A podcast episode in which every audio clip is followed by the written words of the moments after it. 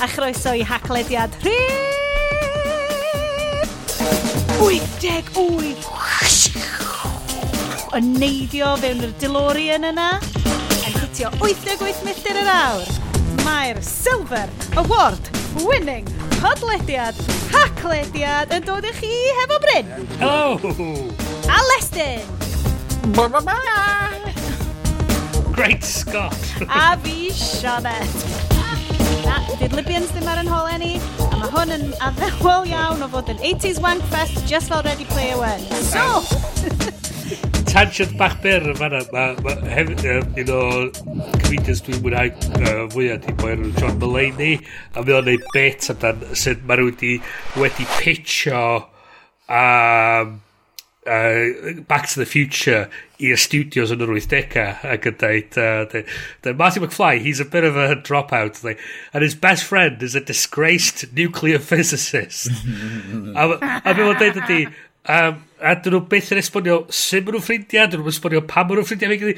Mae'n just, Mae o'n ffrind, ffrindiau fan nhw, so, yeah. Mae o'n 80s film logic, yr un un math o logic sydd yn peri i judges mewn actual cystadleuaeth masif rhoi gwobr arian i iapod fan hyn. Mm -hmm. um, Bryn, Iestyn, dwi'n eitha hyderus bod chi dal yn hungover ers di sadwn diwetha, achos dwi sicr yn, uh, ond hynna ddim yn mynd i stopio fi agor yr agenda yn y fi an.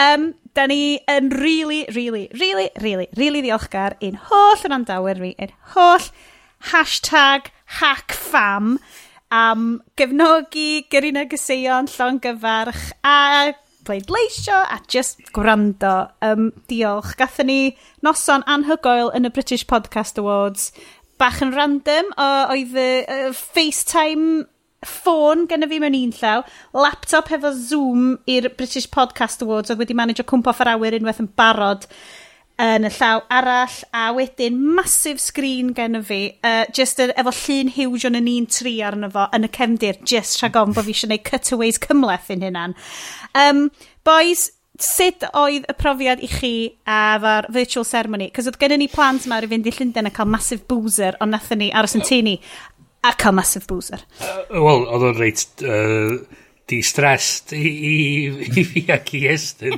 oedd o'n i'n reit relaxed. Um, Estyn yn cael great time yn family party, ti chi? Oedd hi'n llon trons o hwyl yn tu ni, oedd oedd cynnan yn trio joinio fewn efo AirPods ni glustia yn gwylio um, uh, beth yw'r young thing of today, Snapchat na, thing arall na. Uh, oh, Insta Live. TikTok. TikTok. He was, on, he was oh, TikTok oh, in the night away ar hwnnw. Ond oedd Shari wedi rhaid y Bunting Podcasting Awards ar y scaffolding tu allan i'r tŷ. Um, so pawb yn gwybod be o'n mynd ymlaen yn tŷ ni. Um, so, ond be oedd hi'n noswaith da, ond um, oedd o'n neud o fwy o hwyl, just oedd o chi yn angwylio fo. Oedd o'n weird. Ond oedd o'n really arferol i ni, cys fel na da ni'n arfer recordio'r show anyway, so dych chi ddim actually yn bobl go iawn i fi. Na. Dych chi just yn fel two-dimensional objects a lleisiau. Dwi, dwi uh, ar y funud, dwi'n siŵr os, da, os mae unrhyw berson arall tu allan i'r fflat ma wir. Um, so, ddech chi'n bod chi gyd rhywbeth sydd yn, yn, yn ychymyg. Da ni actually yn projection, da ni yn cool. projection o dy ddechymig. cool, di. Cool, cool. Good, Good uh, so, um, arferchog. So, um, ar benod 88 o'r haclediad, mae fy bits wedi diflannu, dim ffynnu bits gennau, gen i neidio syth fewn i'r agenda. Um, gallwn ni siarad wedyn amdan Apple ddim eisiau Intel chips, Huawei yn gadw yr UK, i flipping scooters sy'n fucking blow around y lle mae gyd, her ffilm ferdd.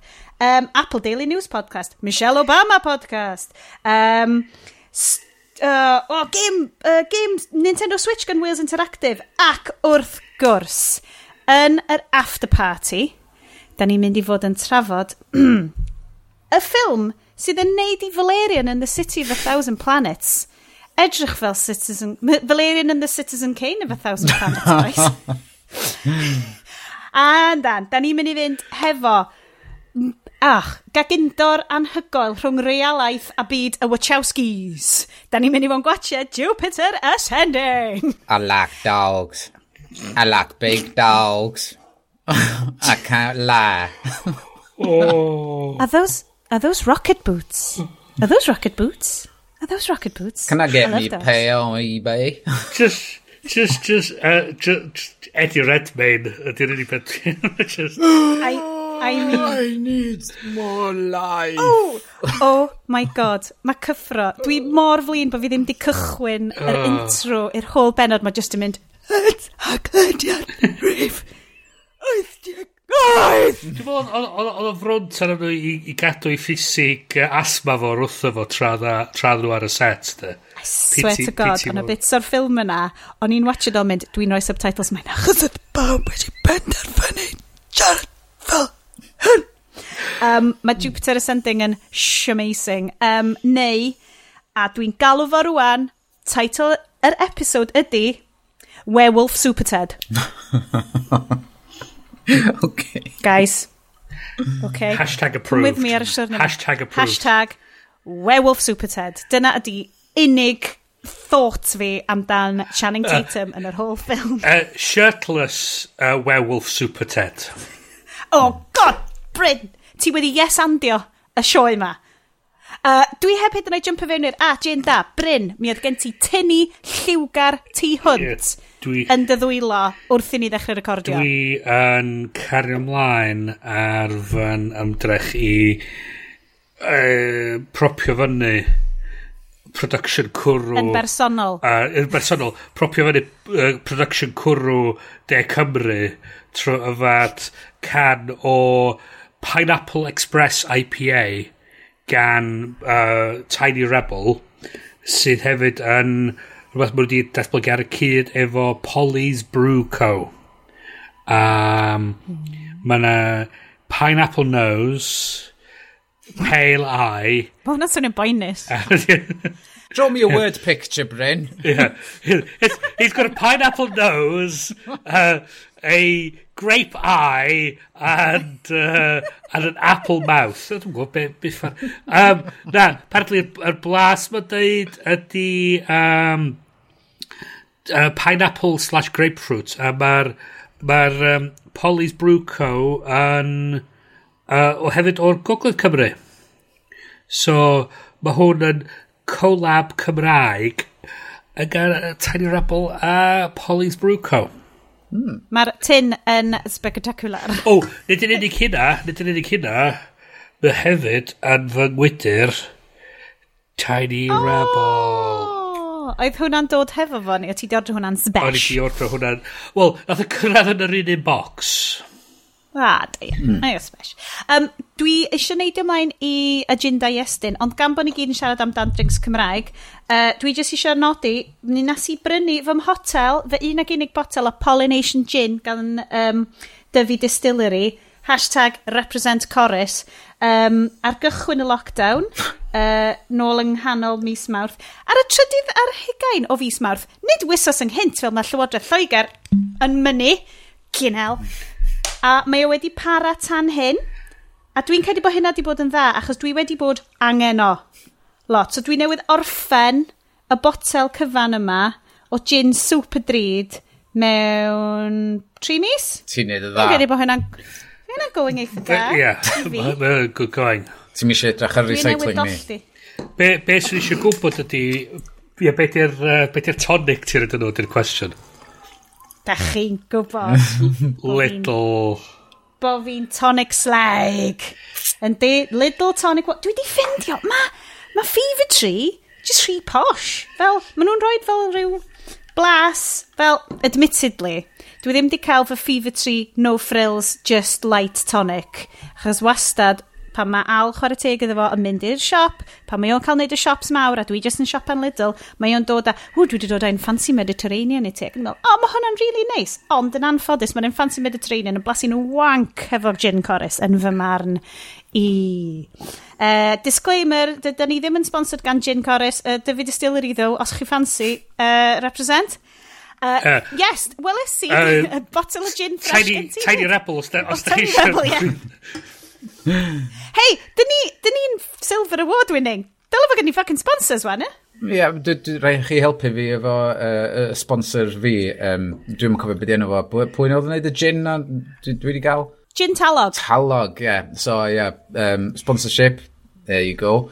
Um, so, dyna dwi'n actually efo. Hwn di'r gin cynta yn Gynarfon i, yn y deg blwyddyn dwytha, um, ers ni gychwyn, efo be mae Sioned yn gysau, sef y Mediterranean Fever Train Tonic i fewn yn efo. Walla mm. bod o'n iawn efo Mae o'n hyfryd tu hwnt. Ac efo um, gwelltyn bach um, uh, papur mm. streipiog pink a gwyn. O, oh, yes, Dyn. Mm. Ti mor meterosexual. Mm. Mae'n anhyfryd. Mae'n mynd efo man bun fi heddiw. Gareth Bale vibe. Yeah, lo lockdown. Um, lock Mae o'n Gareth Bale vibe, wow. Yeah. Oh my god, Gareth Bale vibe, cos mae Yes just yn mynd i ister yr ochr just yn neud 350 grand yr wsnos a just gwrando ar ti a fi actually yn ennill yr awards. Topical Ooh. football chat! Oh. Mae just dod ymlaen yn extra time a sgorio winning goal. Pe peth i cofio okay. ddo, Sioned, ydy, mae podledu yn gem o ddau hannar, a mae haid yn neud y sicr bod chdi gallu mynd trwy yr whole whole uh, gem ac yn sicrhau bod chdi gallu gorffan yn y gol yn y diwad a neud yn siŵr bod ti'n sgorio mwy o gols na'r pobl eraill. So.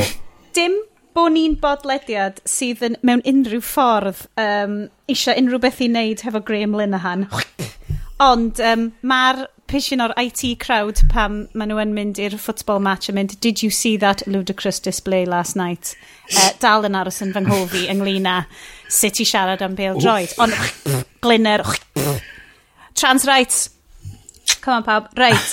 ymlaen, ymlaen, ymlaen, ymlaen, ymlaen. Mae genna i dal, reit? O na. Party cannon. Mae genna i dal y party cannon. Di hwn, this is an audio medium, so ni'n gallu gweld y party cannon. Mae o'n mae o'n goch yn sgleiniog ac yn barod i flastio. so, unrhyw bryd yn ystod y sioe yma, pan dwi ddim yn teimlo um, bod pethau'n mynd digon cyffroes, dwi jyst yn mynd i randomly chwthu'r party cannon A gweld ysdi hynna'n gwella sioe ni? Pam pa, pa, pa rhywun... plant. pan... O ti'n meddwl bod intros y siow ma ddim yn deffro nhw? Mm. Pan, pa mae rhywun yn dweud y gair cydd, ni fydd y canon yn teithu. Y gair cydd heno ydy Werewolf Super Ted. Werewolf Super Ted. Um, right. Uh. Oh. Da ni'n mynd i blastio trwy'r actual uh. newyddion er mwyn hitio'r fun, fun, fun times mm after party, oce? Okay? Mm -hmm. Yes. Um, ti di rhoi cwpl bethau fewn un sgwrs ni. Um, dy gyffro di yn ddiweddar, achos nath ni'n fethu allan um, penod diwetha ar cyhoeddiadau Apple um, yn fwy manwl, um, beth ydy'r diweddar, achos wyt ti wedi rhoi, mae'n amazing, mae Apple yn symud i ffwrdd o Intel chips, ac o'n i just fel, Fi ddim, fi ddim gweibod. Mhm. uh, so os ti eisiau esbonio wrtho fi, dwi really eisiau gwneud terrible dad joke am sglods, ond dwi, dwi just methu. Mae nos Wener ola, tymor yr ysgol, mam hlant i wedi mynd yn massively blin hefo fi'n barod heddiw. So dydy'n mreni just ddim yn mynd i allu dod fyny hefo'r comedy gold, sorry, comedy silver nuggets na. yeah. a, a dyn ni justio lawr wan, Sian, dyn ni justio lawr wan, oce. Okay. Dyn ni cael, gwni gorffwys chydig bach wan, oce. Okay. I swear to God, rei, oedd gwyneb fi ar y noson yn union fel, ti di gweld yr YouTube fideo na o'r um, American gymnast yna sydd o gwymab tîn pan mae jyst yn cael silfa. Nes istyn a jyst mynd, Llongorchiadau hmm. i Ellis James am ennill, though, by the way. Llongorchiadau. Yes, ond Bryn, di hwnna ddim yn ei bit, Cystal. Na, da iawn pawb. A da iawn i siarad sex am ddod yn drydydd hefyd. A maen nhw wedi cael uh, ail gyfres. Yeah. Ie, siarad sex. I know. Ti'n mwyn gawn ni ail gomisiynu rhywun? No, ie. Dwi'n gwybod, dwi'n eitha sicr o'r rôl yr rifin yma, dwi'n cael yn ganslo. Nope. Na i siarad sex am ti mewn i computers, os da chi eisiau, de. Um. Fel, oh, guys, cross-section on holl, holl interests ni oedd Henry Cavill, oh. Seren A dwi'n gwybod pan mynd i ddeud Superman. Na, na, na, na. The Man from Uncle. It's a future film di ddim. Diolch. Tro nesaf dwi'n cael dewis nhw. And, uh, so, y fideo sy'n newydd fynd allan wrth yma ydy Henry Cavill yn adeiladu PC from scratch mewn vest A dwi'n cedi bod mae hwnna'r math o wholesome content da ni angen uh, amlygu. Tas fo'n neud yn Gymraeg, bys efo fel ar heno. Be, just fel... be ni'n licio hefyd oedd y ffaith oedd o'n just fatha mynd trwy'r manuals i gyd ac yn studio nhw. A wedyn oedd bod yn ofalus iawn yn rhoi'r chips i gyd i fewn. Ac yn, a dyn oedd chi'n gweld o'n straffaglu trwy gweithio lle pa ffordd i fewn i roi pethau. A wedyn mae switcho'r thing on a mynd oedd rhyw display ar y fan a mae'n dweud, hang on, mwna ben i lawr, a wedyn mae'n mynd yn ôl ac yn ail osod o, a ti'n dweud, Dyna. Bloody. O, iawn, ti'n gwybod beth i hwnna? Dyfal barhad. Gwneud job yn hmm. iawn. Dyna pan bod o'n superhero. Dim achos i fo stash. A fo 5 munud a hannar. A just, just yn gwylio fo ti'n dweud, Do'n i lyfio, oedd y music editing yn sbash. Oedd, bach o Barry White, fyna ti'n mynd yn rong efo Barry White. Pan ma'n rhoi, pan ma rhoi y chip fewn, yeah. mae'n oh yeah. dunk, dunk, ac yn i just fel, well, ma, nerdiwch fi mas. Mae o'n gwybod be mae o'n neud. Dwi'n edrych ymlaen i wylio fo. Gynna fo dwylo, dwylo rili really fel main hefyd, fel da ar gyfer adeiladu, mm -hmm. ma, PCs, da ar gyfer adeiladu P. Chos stori oedd, a nath o fethu'r galwad gan Snyder, um, tro cyntaf dweud bod wedi cael y rôl fel Superman, chys oedd o'n chwarae World of Warcraft. Oh my god, dyma pan bod o yn fel like, The Witcher a stuff. Mae hwnna'n ffilm i ni wylio ar yr ffilm di ddim, Walk, World of Warcraft, neu be bynnag dyn fo. O, swn i'n intrigued am hwnna, achos fel, mae stuff Duncan Jones, dwi'n eitha licio fo, dwi'n lyfio o source code yn crack it. E. Moon, moon, mm. moon. Ok, love it. So, hmm. Uh, anyway, uh, dylen ni siarad am tech? Yeah. Neu just... Just, just, just, just bawn, bawn, bawn, bawn. Dwi'n just yn falch oedd, uh, oedd Henry Cavill di ailwytho i ddwylo fo i freichio fo'n barod ar gyfer y symbol. o, gallai i just deud, right, mae hwn yn super controversial. Okay. Y ffilms Mission Impossible. Dwi ar y trydydd wan. Mae nhw bach yn shit. Mae nhw'n spectacularly shit, mm -hmm. as in spectacular, ond dwi wedi gwachod eitha dipyn o'r nhw rwan, a wedi kind of yn ganol bob un yn mynd, the fuck? So, um, yr, yr sôn ar y funud ydy, dim Mission Impossible films ydyn nhw ragor, ond yn ytrach, sut mae Tom Cruise yn mynd i lladd, trio lladd i hyn nesa. i'r whole thing o fel... Mae o basically erbyn hyn yn meddwl bod o'n immortal, mm -hmm. so mae o fel allai i gwthio ffiniau realaeth fan hyn. Mi o, chys yn un, yn, ti'n wedi cyrraedd yr un yma eto, yes, ond mae'n un tafod lle mae o'n redag dros y to, yn llundan. O, dwi wedi gweld nhw i gyd, sti. Dwi oh, jyst yn okay. ail, ail wylio nhw efo'r mab, ydw i. Right. So mae'n oh, ma tar, taro rhyw wal. Very suitable i teenagers. Ie. Yeah, mae'n taro rhyw wal yn llundan, a mae'n actually torri goes o, go mm. iawn, mm a mae o'n cario mlaen redag trwy gweddill yr, yr sîn i, i gwblhau y sîn efo'i goes oedd i torri. Ie, yeah. i wneud siŵr bod nhw'n cael y shot. Mm -hmm. Ac oedd yn mynd off, yeah. off camera a dweud, you, you got that right. so I'm not doing it yeah. again. Anhygol, anhygol. Dwi dal eisiau dweud bod Jamie Roberts wedi, wedi chwarae uh, stupidly nôl yn y dyddiau cyn bod bobl actually'n cael ei gyrru off am concussions wedi chwarae fo fractured skull am ei gymuned. Mm. A mae o'n ddoctor, dylai fo heb wneud hynna. Kids, gwisgwch skull caps. A, a peidiwch chwarae efo, efo skull fractures. Mm. Okay. It's, not. it's not big and it's not clever. Um, Os di rwy'n isio mynd trwy'r um, uh, er Mission Impossible movies, de, just ar ôl ail wylio'r ail un, uh, John Woo, dwi'n meddwl, ie, yeah, Um, oh, si, just, God. just skipio fo. Os am, os am really ddim point. Mae o'n teimlo fel um, TV movie fysa'n ista'n dda rhwng Airwolf ag A-Team. Yeah. Ti'n bod, na, Night Rider. Mae o'n ffitio fewn yn dda efo, fo, efo like heini. 90s, think Hong Kong, like side guns aesthetic. Mae na, ma na, ma na le iddo fo, just falle ddim ar... Oedd y mab, yn deud, oh, dwi'n yn gwybod os dwi eisiau cario ymlaen gwylio, gwylio nhw rwan um, ar ôl gweld hwnnw. Nes i, na, na, na, maen nhw'n gwella wan, maen nhw'n gwella wan. A wedyn nath ni wylio'r trydydd. Ac, o, oh, oh, gymaint gwell am fod um, J.J. Abrams, dwi'n meddwl, uh, naeth ffilm yn... gyntaf o, dwi'n meddwl, oedd o, ie? I directio. Mae o'n fel yr un mawr. O, oh, oedd o'n lot gwell. So, um, ti'n be, ma na, ma na, dwi eisiau jumpio fewn i gymryd o'r stwff ma, ond, os o'n i am y news. Am y news. A wedyn, mae'r after party yn mynd i fod yn llawn o hot takes am ffilms o 2002. Fydd o'n gret. Uh, okay, so, uh, yes, Apple um, yn symud i ffwrdd o Intel chips. Beth mae hyn yn meddwl? Insert dad joke. dad joke. Hang on. Thinking of dad joke. I have got no idea what you're talking about. Ti dyn unig dad ar hwn? yeah. so be mae hyn yn olygu? Wel, os da chi yn gyfarwydd, mae chi eich computer yn rhedeg ar Intel chips ar y funud, ond mond rhyw 15 mlynedd yn ôl, um, rhywbeth fel la oedd hi, um, oedd Macs i gyd yn rhedeg ar PowerPC um, chips cyn uh, IBM, ac nath nhw transitionio o heina i chips Intel oherwydd oedd uh, Max methu cadw fyny efo PCs ar y pryd.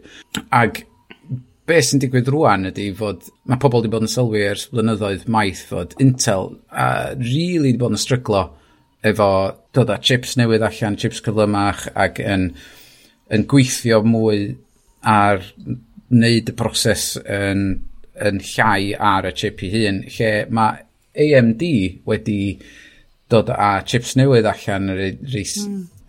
uh, 64 core um, Threadripper dwi'n meddwl di, di enw fo ac mae o'n cicio tîn oh. bob un Intel chip allan yna.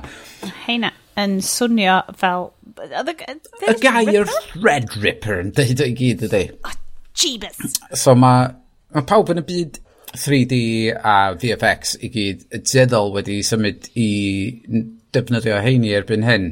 Ac mae mm -hmm. ma, mhm. ma, pobl yn gadael y max uh, oherwydd maen nhw'n cael y cyflymder efo hynna.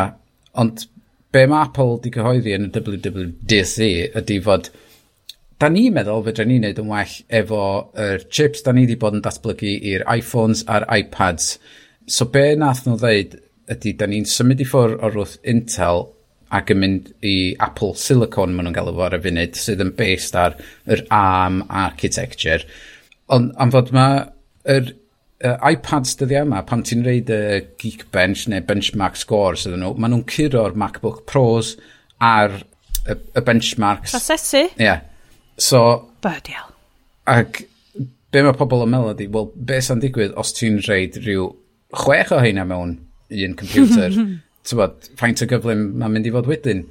Ac mae ma nhw wedi rhoi allan Mac Minis i'r developers oedd wedi requestio nhw, sydd efo chip yr iPad diweddara yn efo, um, i datblygu i apps i draws newid nhw.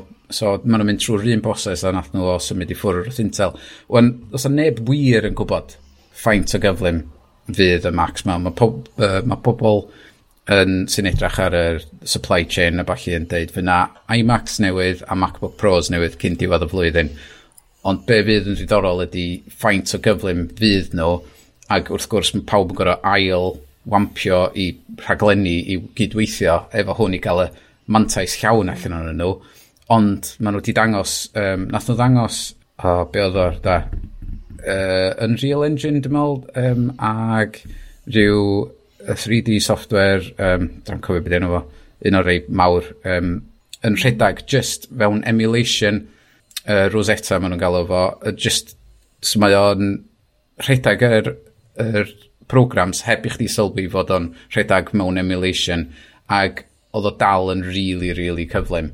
So, ffaint o gyflym fydd nhw unwaith nhw wedi ailwampio nhw ac di pacsio nhw ac y peth ydy oherwydd mae cymaint o bobl sydd efo'r pro apps mae wan wedi symud i ffwrdd i Windows, ydy y pobl mae'n mynd i llusgo i traed a creu mm -hmm. ail wneud yr apps mae gyd i gymryd mantais o hyn. Ond, fod, os, ond y peth os maen nhw'n mynd i fod yn glot cyflymach na'r AMD Threadrippers mm. ma, mi fydd rhaid iddyn nhw wneud na'n fod fydd pawb yn gofyn wrthyn nhw, mae rhaid chi gefnogi'r computers yma. Ond y peth mwyaf arall mae o'n golygu ydy, os ti'n prynu laptop gyn Apple efo'r y chips newydd ma'n efo, mae'r App Store, y Mac App Store yn mynd i gynnwys holl apps iPad ag iPhone i gyd o fewn yr App Store yna. So fi i'n gallu rhedeg dy iPhone apps, dy iPad apps a dy Mac apps i gyd ar y Mac. So fydd, fydd nhw efo'r ecosystem mwyaf sydd ar gael, mwy fydd nhw'n neidio dros Windows efo faint o apps fydd gyda nhw. Efallai fydd lot o nhw yn flashlight apps, uh, apps um, rechan, ond fydd nhw'n apps. Ydy, so o ran yr interaction wedyn, wyt ti, wyt ti wedyn yn rhedeg hwnna drwy mouse so wedyn? Wyt ti just yn yeah, substitute mouse ar gyfer dyna y touch? Cwestiwn mawr oherwydd maen nhw wedi ailwampio um, uh, Mac OS wan, maen nhw'n neidio i fersiwn 1 ar 10 wan, am tro gyntaf ers ydyn nhw shiftio i rhif deg. Um, mm -hmm. Ac mae pobl wedi bod yn edrych arno fo, yn bod mae'n lot fwy o spacing allan uh, arno fo. Um, so mae pawb yn meddwl fydd y uh, Max lap, uh, laptops sydd yn dod allan diwedd y flwyddyn, maen nhw'n tybio mai touchscreen fydd nhw, er fod nhw wedi deud fydd nhw byth yn neud hmm. touchscreen Mac, ond nath nhw bob tro dweud, ie, yeah, da ni'n byth yn mynd i wneud iPad llai, da ni byth yn mynd i rei hmm. fideos ar iPods, um, da ni bod, da ni byth yn mynd i uh, wneud llyfrau neu bynnag oedd yn dweud, da ni byth yn mynd i gael pensal neu beiro efo'r iPad. Bod, maen nhw'n hmm. mynd yn ôl bo hyd ydi, so os maen nhw'n neud touchscreen, mi fydd hein i gyd yn gweithio, ond ar y funud, wrth gwrs, ti'n gallu defnyddio mouse efo dy iPad, um, so mae hmm. bob, maen nhw wedi dangos sut fysa um, yr apps yn gweithio, efo mouse yn barod wrth uh, transition mae'n wneud ar yr iPad. Da chi wedi defnyddio hwnna? Dwi heb, achos dyn ni, ti'n gwybod ar ran dyfeisiad yn tu ni, mae'n fel beg borw steel, hand-me-downs and stuff gen ni. Dwi'n mm. bod Bryn? Na, yn byth, yn byth. Mae o'n, mae on gweithio'n um, really da. Um, mae... Ma... Mae'n neud lot o synwyr ddo'n dydy o? Ond peth, peth ydy, dwi'n gweld o gweithio well na uh, sy'n mae mouth, uh, mouse yn interactio efo computer ar y funud, ti'n bod ti, ti di dod i arfer mm. efo jyst yr saith bach na sydd gen ti ar sgrin. Mm. Um, a maen nhw wedi ail feddwl o'i gyd lle mae gen nhw, gen ti'r cilch bach mae'n mynd rownd y sgrin yn lle'r saith bach. A wedyn unwaith mae'n mynd dros rhywbeth ti'n gallu interactio efo, um, mae o'n newid i fod yn, beth i gael o, i bar neu t bar, beth mae'n cofio, beth i gael o, um, pam ti'n gallu teipio rhywbeth A wedyn, yeah. os mae bwtwm yn, i fynd i gael y bwyswm, mae'r dot yn diflannu a mae'r mae highlight i'r bwtwm. So, mae werth edrych ar fideo i weld sy'n ma'n gweithio, neu trio fo. Os gen ti mouse, a gys gen ti iPad, gym, trio fo. Gymaint o synwyr, achos dwi'n gwybod yn ywedig hefo ni uh, yn yngweithle fi, da ni di buddsoddi mewn fel touchscreen, fel TVs enfawr, mm. er mwyn gallu sort of creu hwnna. A ti'n gweld nhw mewn lot o cynnyrchiadau teledu, beth bynnag fel, ah, ti'n dy, dy bobl, chwarae, oh my god, mae'n trefyn i sports podcast. Yr uh, lection hefyd, fel afer maen nhw'n. Ti'n meddwl be, ar stoff yna. So mae hwnna'n, mae fel, ti'n rhoi stuff yn Star Trek, mae bobl isio nhw. Wel, mae'n ma kind of gest, gesture-based, neu fel touch-based, fel mm. computing mawr yn neud synwyr mm. uh, yn y pendraw. Y cwestiwn ydy sut fydd o'n gweithio yn y byd go iawn in terms of sut, sut mae'r person yn, yn ymatab ac yn neud efo achos beth ydy'n meddwl wan so ar y funud mae gen i'n laptop fi fe fyma stand ydy yn ylu fyny ato fi so ar sgrin reit omlaen ni ond i gyrraedd y sgrin ydy fi estyn ymlaen mm. allan uh, syth allan so ydw i am dal y mis i fyny fel o jyst i tapio ar rhywbeth yeah.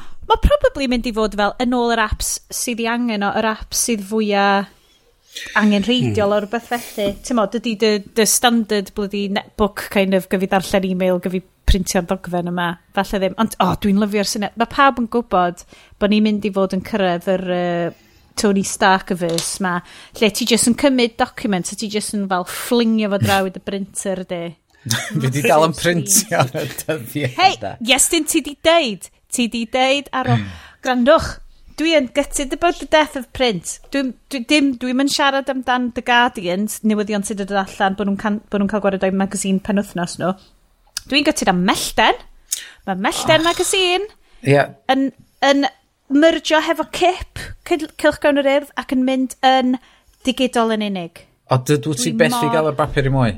Na, A nes i, nes i weld nhw'n ymyrgio, ond nes i'n cymryd sylw o'r peth di gyda. So, dyn nhw ddim, does dim copi papur sy'n mynd i fod. Ond, obviously, fel maen nhw'n neud, dwi'n gweld Hugh Aron yn neud efo Ble Mae Boc, mae'r lolfa'n maen nhw fel kind of annuals a fel llyfrau specific amdan pethau. Ond oedd e, oh god, o'n i'n lyfio comic mellten. Dwi wedi casglu fel sadw, mae gennau, dwi'n gadael i llew fel cadw nhw'n lloft, dwi wedi cadw fel, mae gennau folder o fel 15, penod, 15 issue ond fo, cos mae'n great. Bryn is currently Adem... googling mellten. mellten, o, oh, Bryn. Ti'n ma'n cofio spondonics? Ti'n cofio spondonics? Ti'n cofio... Ti'n cofio spondonics? Yeah, um, it's, it's your spondonics. Dwi'n...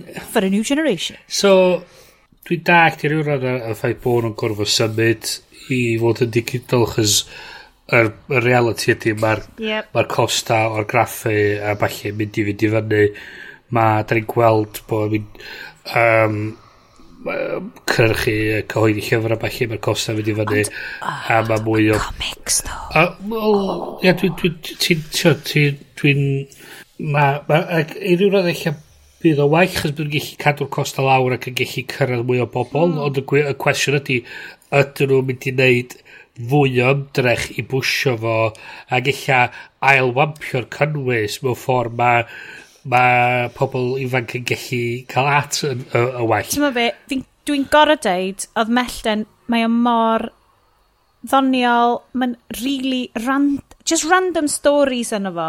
Fel, a dwi'n gallu gweld, na pan hmm. fi'n cadw nhw, mae'r rhai o'r pethau yno fo, bach yn hen i'n machgen i rwan. Ond allai weld mewn rhyw ddwy flynedd, falle fydd o fewn i fel rhai o'r storylines hirach sy'n mynd dros fel y 15 penod, ti'n ma? Mm. So, y cwestiwn ydy, oedd e'n mynd yn ôl i beth yesterday cynt, um, ydyn nhw eich gallu ail wampio'r cynnwys i fod yn rhywbeth fel straeon ar TikTok. Dwi'n mm. creu cynnwys mewn ffordd cynnwys safonol sydd yn cyrraedd pobl fengach ar y platforms maen nhw yn defnyddio ac yn mwynhau. Ie, yeah, dyna, a ti'n meddwl mae hynna'n broblem, achos wyt ti'n boddi i certain extent ar, so ti ar platforms masif fel yna, bod oedd cael rhywbeth physical. O, yn yeah. sicr. Oh yeah, my yeah. god, o'n i'n... Ond da ni ma'n y byd yna i mwy yn ydyn. Na, ond dwi eisiau trio instilio...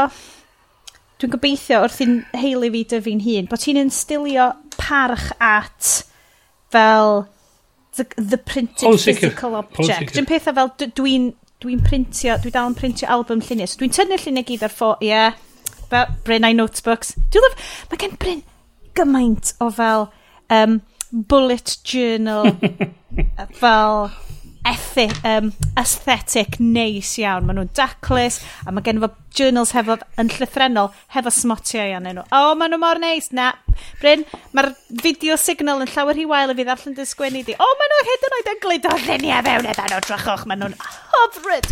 dwi wedi cychwyn un arall. Dwi wedi cael un ers 2017 a dwi newydd cychwyn. Dwi'n mynd mylicio journaling.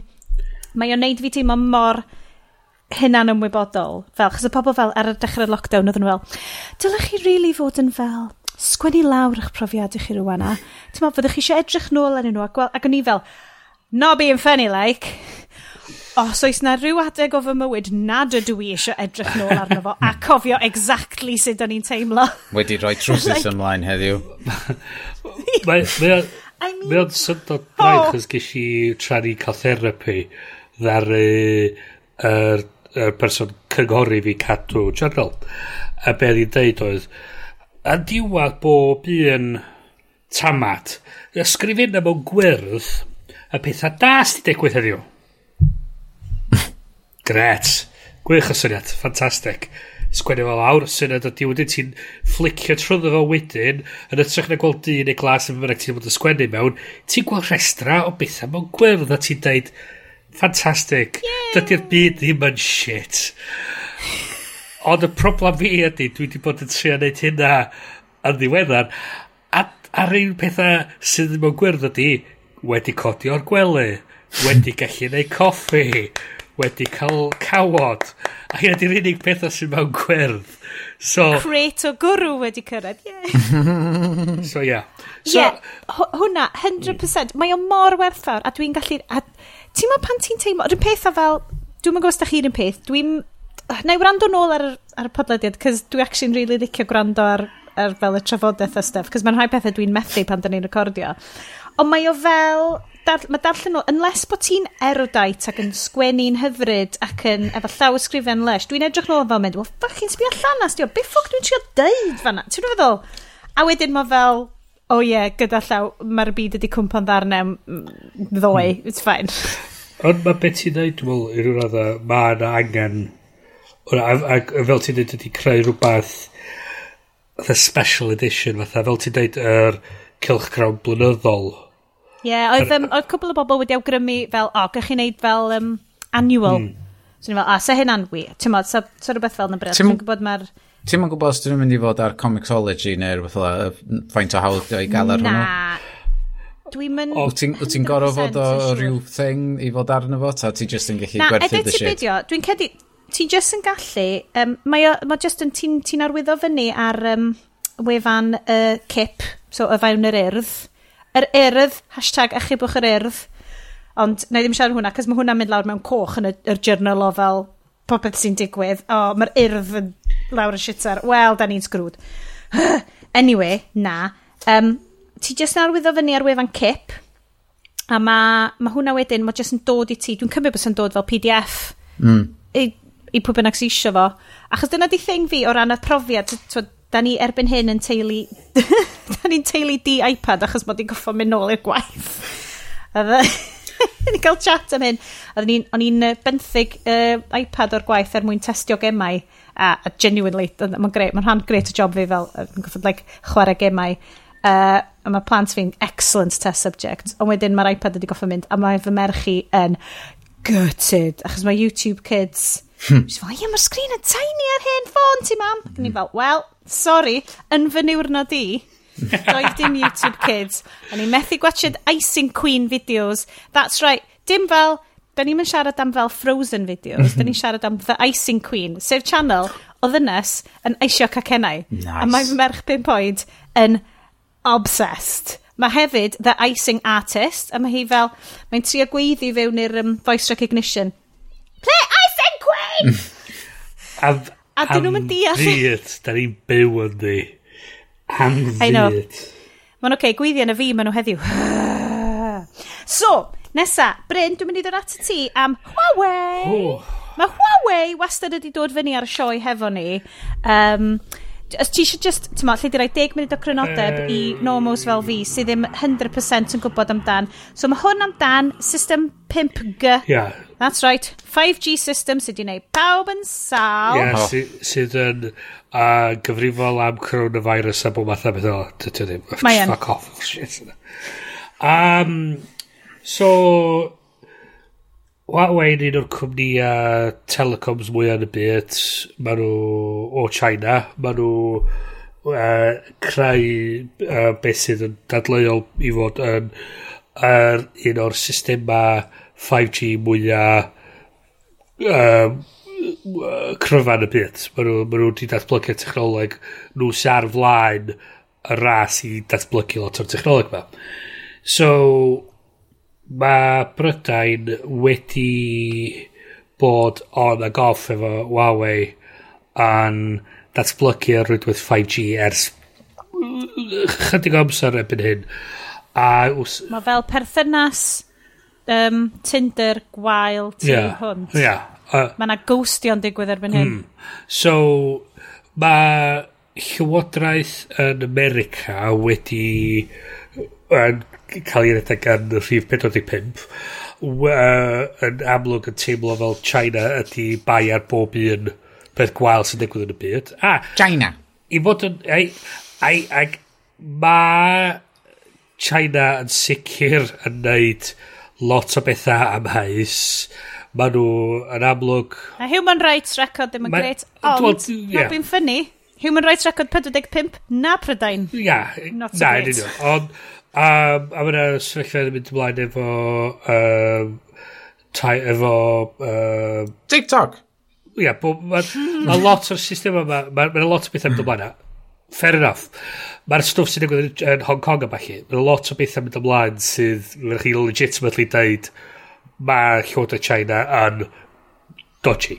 Ond eto fel ti'n dweud, Brydain, America, da ni, da ni gyd yn eitha sal. A um, So, mae ma America wedi... So, mae Brydain, America, Ffrainc, Zeland Newydd ac Australia yn rhan... Na chi, sorry. Ta Canada yn lle Ffrainc... Mae'n ma rwydwaith... Canada, ie. Canada, ie. Oce, okay, Canada. Yr rhan o rwydwaith sy'n cael ei galw Five Eyes. So, be di hwn ydi rwydwaith a sbio ar communications trwy'r byd i gyd. Mae o'r intelligence network anferthol, a mae o'n neud signals intercept a bob math o bethau trwy'r well, byd i gyd. Wel, mae hwn braidd yn Mission Impossible. So, um, a, a, a sôn ydy yn um, y GoldenEye, y sôn amdan y satellite yma chi, cyfeirio at stwff Five Eyes ma nhw yn yr... GoldenEye? Ie, ie, ie. Ond on mae Prydain like... di prynu'r satellite wrong? Do, wel, o'n i hynna, o'n i hwnna. so, pa maen nhw'n sôn, pa ma... Pa Dwi just eisiau siarad am fel possibly favourite Bond film fi yn y byd i gyd well, pan ma, 1995. Pa mae hi'n pa ma hi sôn amdan uh, transmitters a balli yn, um, well, yn Zeland Newydd, mae hi'n sôn amdan cyfeirio at stwff Five Eyes mae hi. Um, Exciting! So, um, mae Five Eyes wedi bod yn, yn gyfrinach semi agorad ers ys, a, degawda. maen nhw'n neud burgers amazing. so, a... Um, ti beth sy'n neis? Fries nhw. Chos maen nhw'n ffrio nhw mewn peanut oil hefo'r croen ar. A wedi rhoi yr, yr spicy... Uh, Hwna nhw. Ti'n goffa gofyn amdanyn nhw heb halen, achos otherwise ti'n cael fel instant blood pressure spike, a mae'n really dwi, ddrwg Dwi'n oce fe na. Um, Cajun spice ar diwedd. anyway, anyway. um, so, mae America wedi rhoi sanctions ar ar Huawei ei nad nhw'n neud lot o stwff mae'n trio neud dros y byd i gyd. Um, a un o'r pethau mae America wedi deud ydy neith nhw ddim trystio Brydain efo data am mynediad Five Eyes os bod China yn rhannol o creu y rwydwaith 5G. Chys yr, yr yr, y, y stori ydy, a dos am dystiolaeth i bacio hyn i fyny, bod, ma, bod Huawei yn rhan o llywodraeth China ac os bod yna ryfal, mae gen Huawei drysa cefn mewn i ah, hein i gallu yeah. diffodd y rwydweithiau yma. I ni beidio mynd i edrych yn dyfnach chi fewn ac mae actually mae cwmni fel Huawei wedi actually helpu adeiladu stwff mwy, mwy craidd yn y rwydwaith, ond let's not get into that. So, uh, o Brydain wedi bwriadu cwtogi faint o rwydwaith fysa uh, Huawei cael cymeryd rhan mewn ac nid yn sicr bod nhw ond yn cael rhan o'r stwff ar ffiniau yr, yr rwydwaith a dim i wneud efo'r routing o, o tu fiewn i'r ir rwydwaith 5G. Maen nhw rwan wedi, oedd yr wrthos dwytha wedi cyhoeddi bod di stwff 5G Huawei ddim yn cael bod yn rhan o rwydwaith o gwbl a mae'r rhaid i uh, mae'r rhaid i Huawei mae'r rhaid i stwff Huawei cael ei dynnu allan erbyn 2027 So mae hynny ar... Mae, dyma 45 hefyd wedi dweud, o oh, ia, fi nath... Fi nath ddeud iddyn nhw dynnu fy hwnna allan, nes i pigo fyny ffôn i, i Boris a ddeud iddo fo, tyn y shit yna allan o'r rwydwaith fi, ti'n angen o, diolch yn god, diolch yn god, fi, fi, fi, fi ddari ddeud hynna, dyna'r dyna dylanwad sgen i yn y byd i gyd. Dwi'n dylanwad dros Boris Johnson, mae'r ma boi'n newid i fyl, di bod yn pa ffordd mae'r gwynt o chwthu. Mae gen Dominic Cummings, dylan nhw dros... Ie, yeah, so... Um, oh, um, tangent bach. Um, um, Please. Pyn fo, uh, Failing Grayling yn trio mynd ar yr, yr committee hmm. na. Uh, Rei, mae'n rhaid chi esbonio wrtho fi, cos dwi'n gwybod enwau'r bobl ma. Dwi specifically yn cadw fy mhen yn y tywod o ran gwleidyddiaeth, achos mae'n ei fi gyd mor drist. Failing Grayling oedd y boi... O, nath, nath, neu chwal ar trio redag y reilffyrdd, wedyn nath o right. trio prynu yr cychod na gen y cwmni o ddim efo cychod. Na, so, everything he touches. Ia, yeah, well, so, y reswm dwi'n dod o hyn, hynny fyny ydy, chys ddaren nhw um, interviewio yr hen speaker John Burko. O, oh, wel, eisiau nhw ddoi. Ac oedd nhw, nath nhw gofyn iddo fo beth... So, y stori ydy oedd oedd nhw eisiau rhoi, oedd number 10 eisiau rhoi fo fel pennaeth er, un o'r security committees parliament. Mae'r ma committee yma'n yn dylanwadol dros ben, maen nhw'n cael gweld y briefings uh, sydd yn hynod o, o secret, maen ma nhw'n cael neud penderfyniadau ar lot o bethau, maen nhw'n bwysig dros ben. Y peth ydy, mae'r ma r, ma gyfraith yn dweud y committee sydd yn gorfod ethol yr, y cadeirydd. Mm -hmm. Right. Mm -hmm. Yna shenanigans di bod lle oedd y Tories di gallu rhoi mwy o bobl nhw ar y committees ma a oedden nhw eisiau rhoi greiling fel, fel pennaeth. So gen, o gen y Tories 5 a gen y lleill y chwarae arall 4 oedd yna 3 aelod llafur un aelod SNP. Mm So, o'n nhw wedi dweud, gret, mae ma boys ni in charge. So, Greyling, i di roed dy uh, enw mlaen, briliant. Mae Julian Lewis, dwi'n meddwl, di efo? Uh, Dim y boi sy'n neud Scotta ar Espedorac? Na, ci. Ac oedd yn Invictus. Doc, Dr Julian Lewis ydi enw fo. Mae o'n... Mae o'n...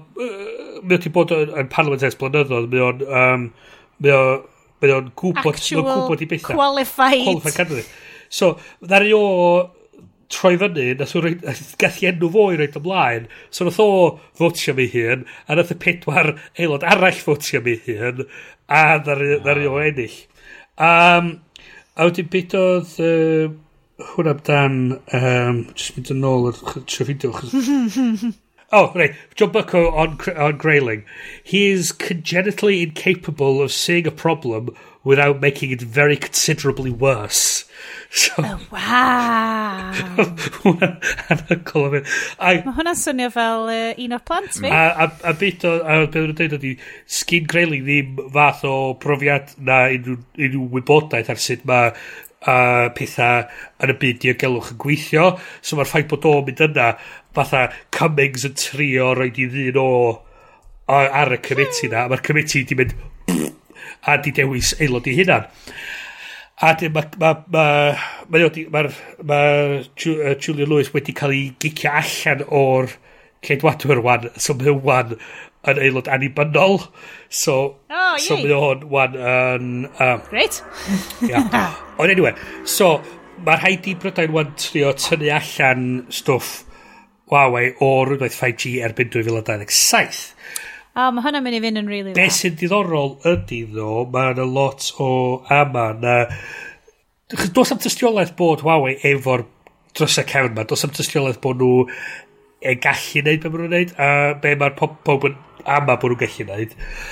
A be oedd yn ddiddorol ydy, maen nhw'n teimlo na ddim yr ama am y fysa Kevin sydd wedi achosi nhw i trio tynnu stwff ma allan, ond yn hytrach y ffaith bod, chys bod America wedi rhoi sanctions ar Huawei, mae i supply chain nhw bach yn bygyd.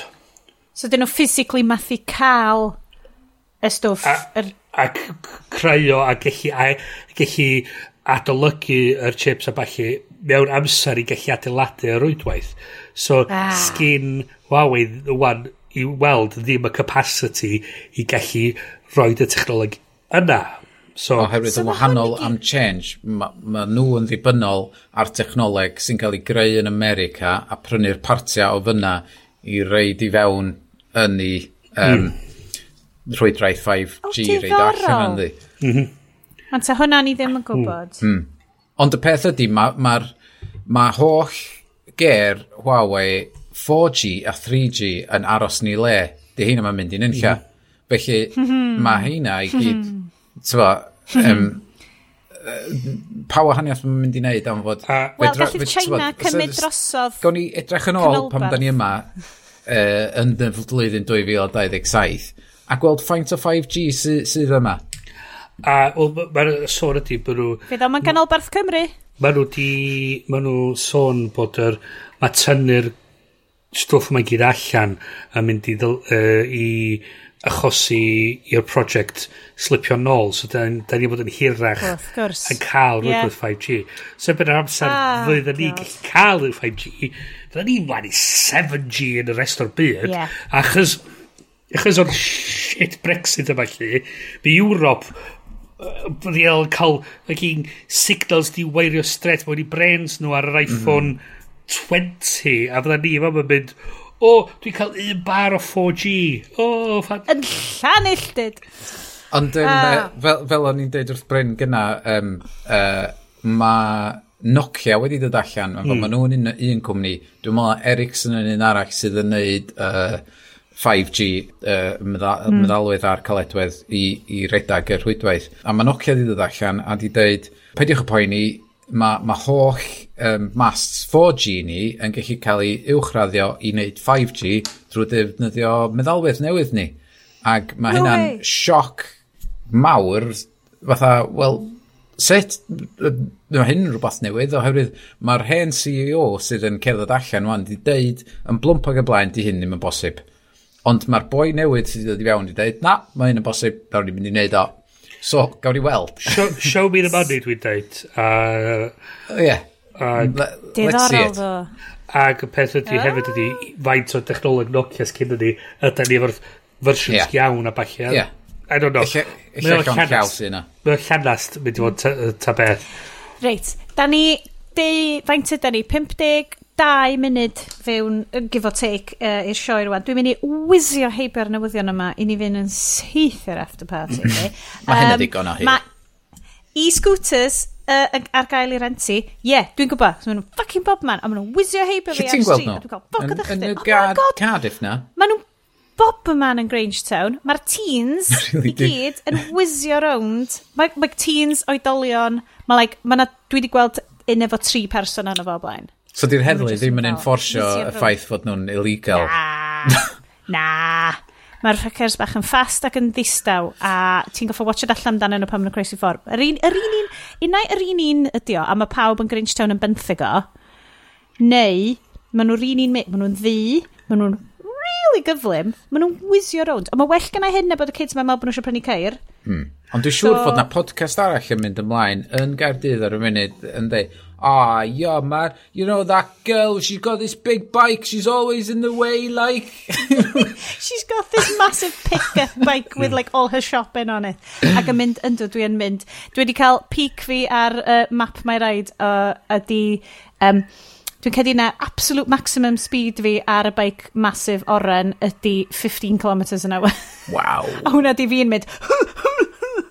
Asthma attack. So e-scooters, good thing. Uh, hollol illegal, probably really berig, ond sy'n neud i brifo'n Grangetown eto hyd y gwni. Yeah. Nesa, her ffilm fer, uh, da ni eisiau rhoi o fel neges, oedd um, fel nodyn, uh, mae Hansh wedi cael Amser Amazing uh, yn cynnal fel film fest byr, um, ffilmiau arswyd, rili fe. Dwi ddim wedi cael cyfrau wylio nhw i gyd, ond mae'r ffaith bod ti'n gallu gwneud hynna mewn lockdown efo just equipment fel randoms gan pawb ar like iMovie neu rhywbeth yn ffantastig. Gwni meddwl bod hwnna'n um, mwy o hyn, please. Up with that sort of thing. Yeah. Um, Go to the show notes Apple... to watch now. Yeah. Diolch yn fawr, yes. Um, Gwrdd cynnyrchydd o'na. Uh, Apple Daily News Podcast. Ti eisiau siarad yn rili really gyflym hwn, a dwi'n mynd i ddeud rili really gyflym. Uh, so mae ar gael just ar Apple Podcasts? Ie, yeah, dyna di'r thing. Dwi, um, yeah. dwi, dwi, di Oedd hwn yn, yn, yn isiw nes i godi efo chi diwrnod y blaen fatha. Um, ydy o'n cyfri fatha podcast os ydy just ar gael yn un lle o, o dan yeah. mewn wal ceedig? Wel, mae fel y Spotify Michelle Obama podcast sy'n dod fyny rwan. Mm.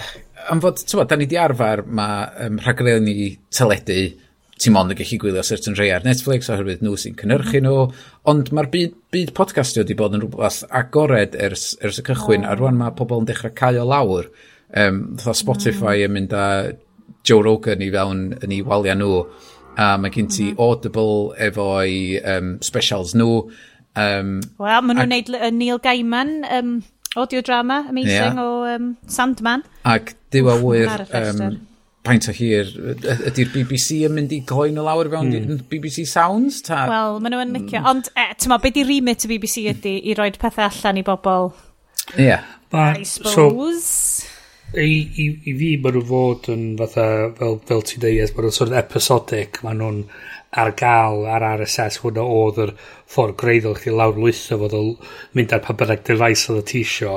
So, dwi'n meddwl ma wwan fel ti'n cael nhw off mewn i'r waliau yma, ti'n endio fyny fy rhywbeth gwahanol a dwi'n meddwl bod ti'n really galw nhw'n podcast yn yr unig ffordd. Mm -hmm. Dwi, i ryw raddau, meddwl, os ti jyst yn recordio chwech rifin a rwy'n allan. Dwi'n meddwl audio drama dwi'n neu audio series dwi'n dwi ddim yn yeah, cyf cyfres ydy'n hytrach na. yn union. So, so chys mae'na mae so, okay. da ni wedi bod yn mynd am deg blynedd da ni wedi rhoi y stwff ma allan. Humble brag! Mae yna podleidiad mae ti sôn am stwff um, comedy bang bang yn un o'r rei dwi'n dwi, hoffi. Mae nhw wedi bod yn mynd am mae nhw'n gwneud e, rhifin, mm. rhifin yr wsos am dros deg blynedd bellach. mae gen ti uh, Mark Maron a falle, mae nhw wedi bod yn gwneud podlediad ers blynedd. Mae gen ti This Week in Tech, mae nhw wedi bod yn gwneud pethau. Mae hynna yn sioia yn yr, sydd yn yn, yn yr hen draddodiad y podlediadau lle mae yeah. kind off yn neud nhw'n audio productions mae nhw'n cyfresu mm. mae nhw'n mwyn y lain audiobook be, be mm. dwi'n dwi meddwl mae Apple yn gweld uh, efo hyn, um, am fod, dwi wedi gweld yn byd tebyg gyn Google, Microsoft, yn byd eto, um, ond be maen nhw weld yn neud ydy fod maen nhw, rhywun diwrnod nath nhw lawnsio hyn um, i podcast Daily News e, uh, nhw, o, nath nhw lawnsio read, read aloud um, long reads um, yn uh, News Plus, So os ti'n subscribio i News Plus yn y News app, mae yna ma, na, certain stories sydd wedi cael ei ddarllen allan gyn actorion uh, iddo chdi. So ti'n gallu gwrando ar y stories hir ma, uh, ac ti'n gallu, fatha, fatha wyt ti efo Kindle, So ti'n gallu gwrando ar audiobook, a wedyn ti'n gallu mm. neud yn ôl i fewn i'r un un lle, a darllen o, a wedyn neud yn ôl a gwrando ar audio. Mae'r un peth efo'r stories yma News Plus. So mae nhw, mae'r actual podcast yma ar gael yn y News app, ag mae'r gael yn y podcast app. Dwi'n gweld o fwy fatha fod nhw yn trio cael mwy o bobl i ddod i fewn i'w news ecosystem nhw. Mm. Uh, a talu amdan hwnnw mewn ffordd, mae fatha ffordd nhw o trio, trio gwerthu hwnnw. So, mae fatha stwff maen nhw'n edrych efo Apple TV, dydy maen nhw'n, mae nhw, mae cyn nhw'r arian, maen nhw'n gallu neud collad wan a, ar cael pobl i transgrifio a talu mm. fyny efo gwasanaeth a fel bod nhw'n datblygu y, mm. y hmm. bes, maen nhw wedyn yn gallu trosi hwnna wedyn i fod yn rhywbeth sydd yn neud arian iddyn nhw. Mm. Um, mae yna drafferthion, dwi'n meddwl, i ryw radda, efo lle ti'n endio fyny mewn wedyn os ti di'r platform yeah. cyhoeddi a'r cwmni sydd yn neud y cynnwys. Yeah. Os mae Tim Cook yn cael ei arestio fory am embezzlement hmm. masif, ydyn nhw'n mynd i reportio fo ar y newyddion yna? Lle mae, ie, lle mae ethics nhw? Oedd hwnna'n hmm. rhywbeth o'n i rili really di dechrau ama, haf i ddweud. Faint, o fysadd mewn faint o pays fedri di gael, dyna di'r thing de. Ma, ma, bo, pryd ydi digon?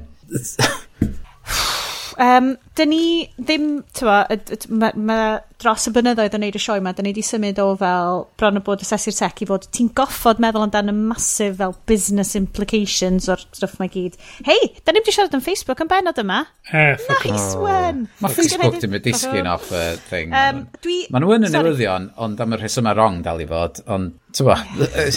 O, oh, gai, gai wneud un shout-out type of thing, de? Yeah. Mae, dwi'n cofio os nath ni sôn uh, tro dwytha fod mae Android 11 yn dod allan. Mae o in beta ar y funud, fel mae iOS 14 allan in beta. Ond, uh, oherwydd dwi wedi bod yn y swyddfa es hir, a dwi, dwi, mesu, dwi, dwi mefo be di enw'r tablet bach Android na oedden nhw'n neud, yr un 7-inch, dwi'n dwi mefo hwnnw, i chwarae gwmpas efo, hwnnw mm. sydd o'n i'n dod i arfer efo beth sydd yn newydd o'r Android a falle os, na rwy, os mae yna rwy'n arall yn yna sy'n gwrando ac efo Android ffôn yn istan i dror nhw yn neud un byd ac sydd yn gallu cael ei ddiweddaru i'r un diweddara na i brynu fo am pris whatever just i fi cael chi chwarae o gwmpas a mae Bryn yn pwyntio at gwyneb i hun what's he got in the box oh, Pixel what's in a box Dwi'n meddwl bod gen i Pixel 2 O oh, ie, yeah. mae Pixel 2 yn mynd i gael yr, um, yr update. Di Pixel greiddiol ddim yn mynd i gael yr update. Wel, Pixel 2 XL, dwi'n meddwl sgynna i, na i checio, ond mm. yeah. Dwi'n cofio dyddiau Android, lle oedd ti'n gorau basically dibynnu ar whim carrier ti, os o ti'n cael update neu beidio. Wel, so oedd wahanol i'r Pixel, hmm. chys oedd hynna yn cael diwedd ar... Hwna dod syth o Google, ie. Yeah. Yeah. Um, okay, Dwi'n licio hwnna fel Iestyn yn iwsio i massive internet presence i drio gael free stuff gan bob. Ia, yeah, na ddim free stuff, na i dalu amdano. Na i. Y peth ydy, dwi'n licio meddwl uh, fy hun, yn, tywa, am fod dwi, dwi yn defnyddio Windows bob hyn a hyn a, a bachu, a dwi, dwi def, rwan dwi chwarae gwmpas efo Chrome OS hefyd. Dwi'n licio gallu chwarae gwmpas efo'r stwff i gyd. So ah, oh dwi ddim yn dod ato fo o hollol un ongl er fod na dyna di'r prif thing dwi defnyddio tuedd. Um, dwi jyst eisiau yn rili really gyflym siarad am Dan. So, dydw i ddim really wedi bod massively fewn i fel gaming community Cymru. Dwi wedi gwybod nes i sôn pen y diwetha am Dan e chwaraeon Cymru. A mae'n fi dwi'n mynd nôl fewn i, a mae'n fi dwi'n mynd i actually bach mwy rwan, achos mae gen i fel gamer bach, a dwi'n trio gadlydd efo tyfu fyny fewn i fel Good Gamer, er mwyn defeat the system from the inside. Um, so dwi rwan yn fel, di, di mynd head first fewn i fel, ww, cool games. A nethna update dod ar Nintendo Life, sef fel, um, bod Wales Interactive yn creu game i'r Switch. O'n i'n really di cynhyrfu. So game ar gyfer um, uh, y Switch, achos maen nhw wedi creu uh, gêm ar Steam o'r enw The Maid of Scare a hwnna efo lot o fel hen hanesion Cymraeg y stwff. Um, so lot o fel cerddoriaeth Cymraeg a... Um, So, mae'n ma really ddorol. Dwi heb chwarae fo achos, oh god, mae'r dylch chi wybod, mae'r equipment yn tini yn shockingly wael. Um, so, maen nhw wedi creu gêm ar gyfer Switch, sy'n mynd i ddod allan Gymru, rhaid nhw Gamer Girl, Um, mae o bach yn random, fel mae gêm lle wyt ti, mae o fel pick your own adventure math o gêm, lle wyt ti'n dewis, um, wyt ti'n goffo bod, wyt ti'n fel uh, social media manager i um, Twitch streamer benywaidd, um, a maen nhw uh, yn cael lot o abuse ar-lein. What a surprise.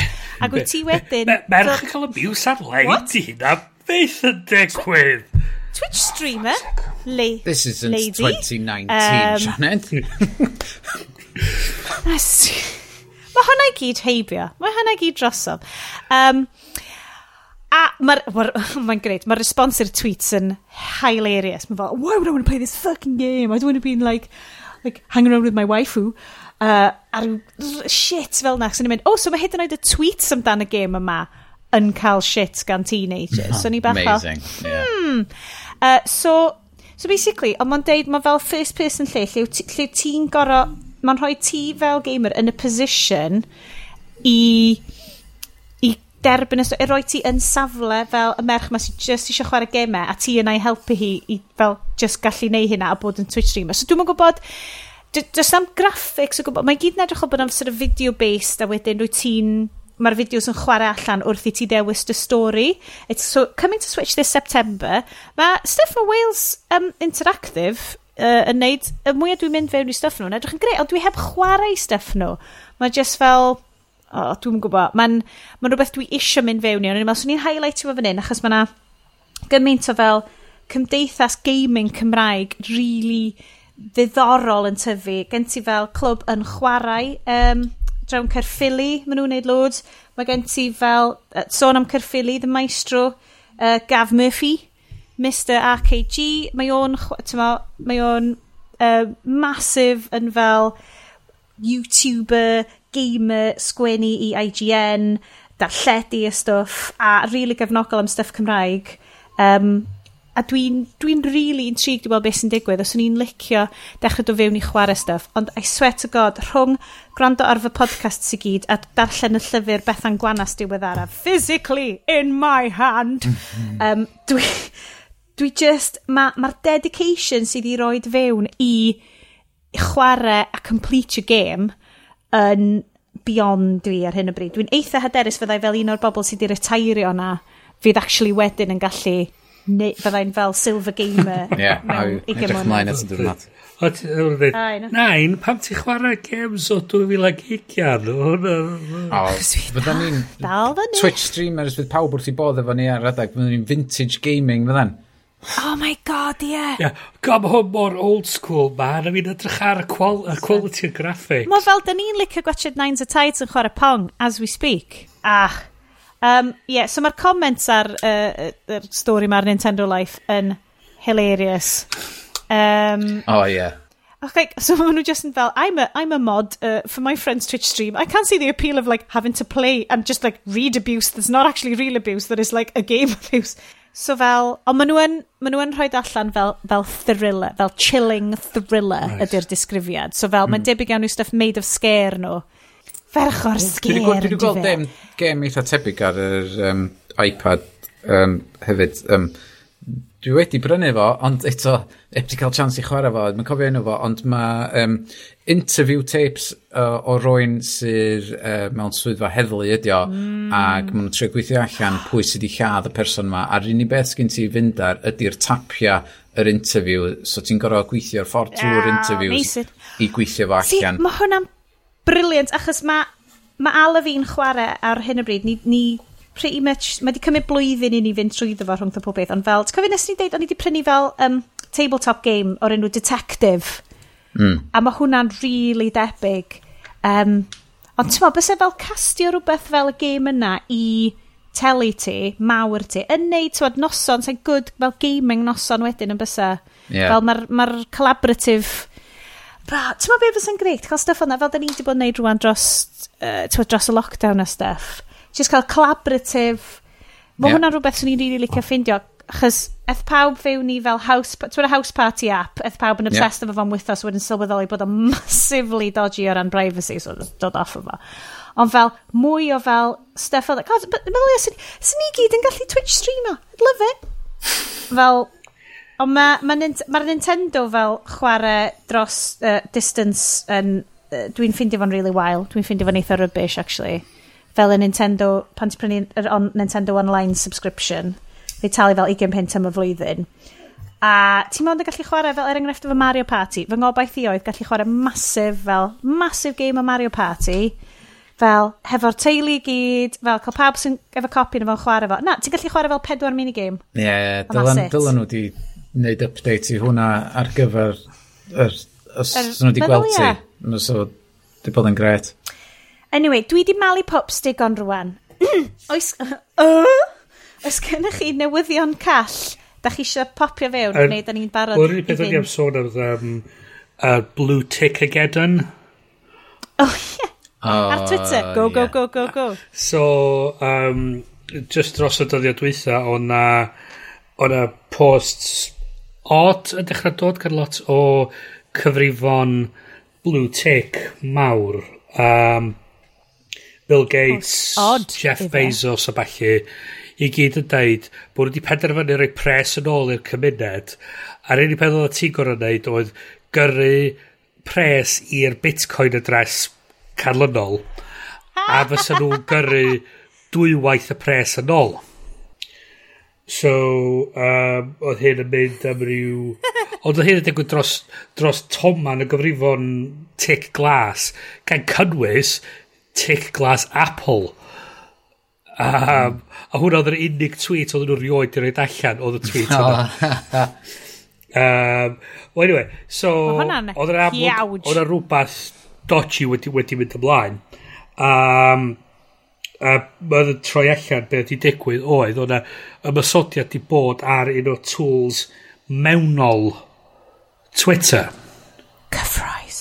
So, um, chys ar y raddfa yna, mae'n mae bron amhosib i ystyried na bod cyfrifon y balli wedi cael ei cael ei dorri mewn i. chys peth ydy, cyfrifon mor bwysig y hynna, dim just, dim just cyfrinair fydd o, fydd o rhywbeth mm. arall, fydd na hmm. ail ffactor, fydd na bod math o beth, beth yn mynd ymlaen.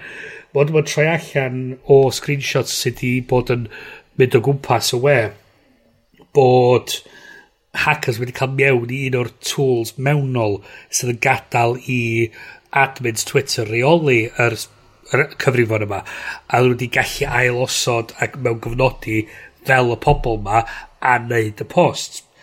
Um, yn amlwg mae Twitter wedi cael lot o helen oherwydd hyn achos yn anffodus mae nhw efo hmm, hmm, hmm. dylanwad mawr ar yr ar sgwrs gyhoeddus sy'n mynd ymlaen ohoni hi.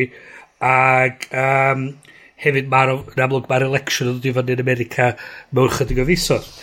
So mae nhw wedi mae'r FBI mewn yna yn edrych ar beth sy'n mynd ymlaen dwi'n eithaf So, Secret Service hefyd sydd yn America sydd yn edrych mewn i computer crime a bachu so yn amlwg maen nhw yna. Mae'r Llywodraeth America a dros y byd i gyd wedi dweud i Twitter, Twitter ei, um, beth sy'n mynd ymlaen? What's, what's all this? What's all this shit? What's all this? Get here. Answer some fucking questions. So, um, maen nhw mynd i cael amser calad dros y mis nesan trio esbonio sut yn union ddaru tŵl mor bwysig cael ei torri mewn i.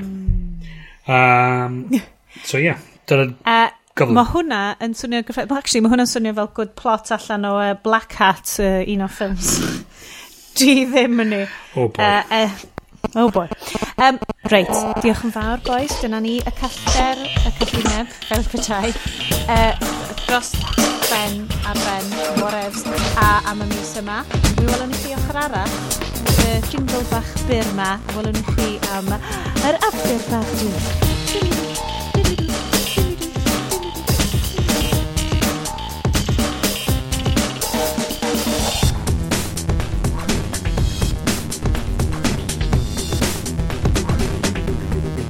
next level.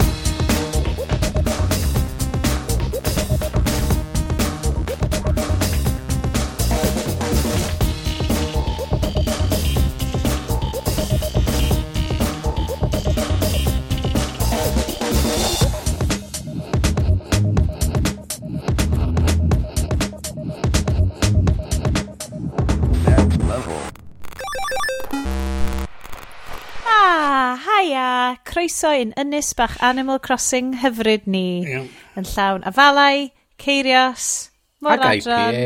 Ac IPA. Ac so mae... Um, uh, yes, nes i actually cyrraedd ti yn yr agenda? Dod o'n nes i... O'n i'n yfad gin and tonic dan. Mm-hmm. Ah, creip, sai that, gen talog. Oce, okay, dwi just... Mae just... Mae'n sioi fel na, kids. Hey, mae'n sioi fel na.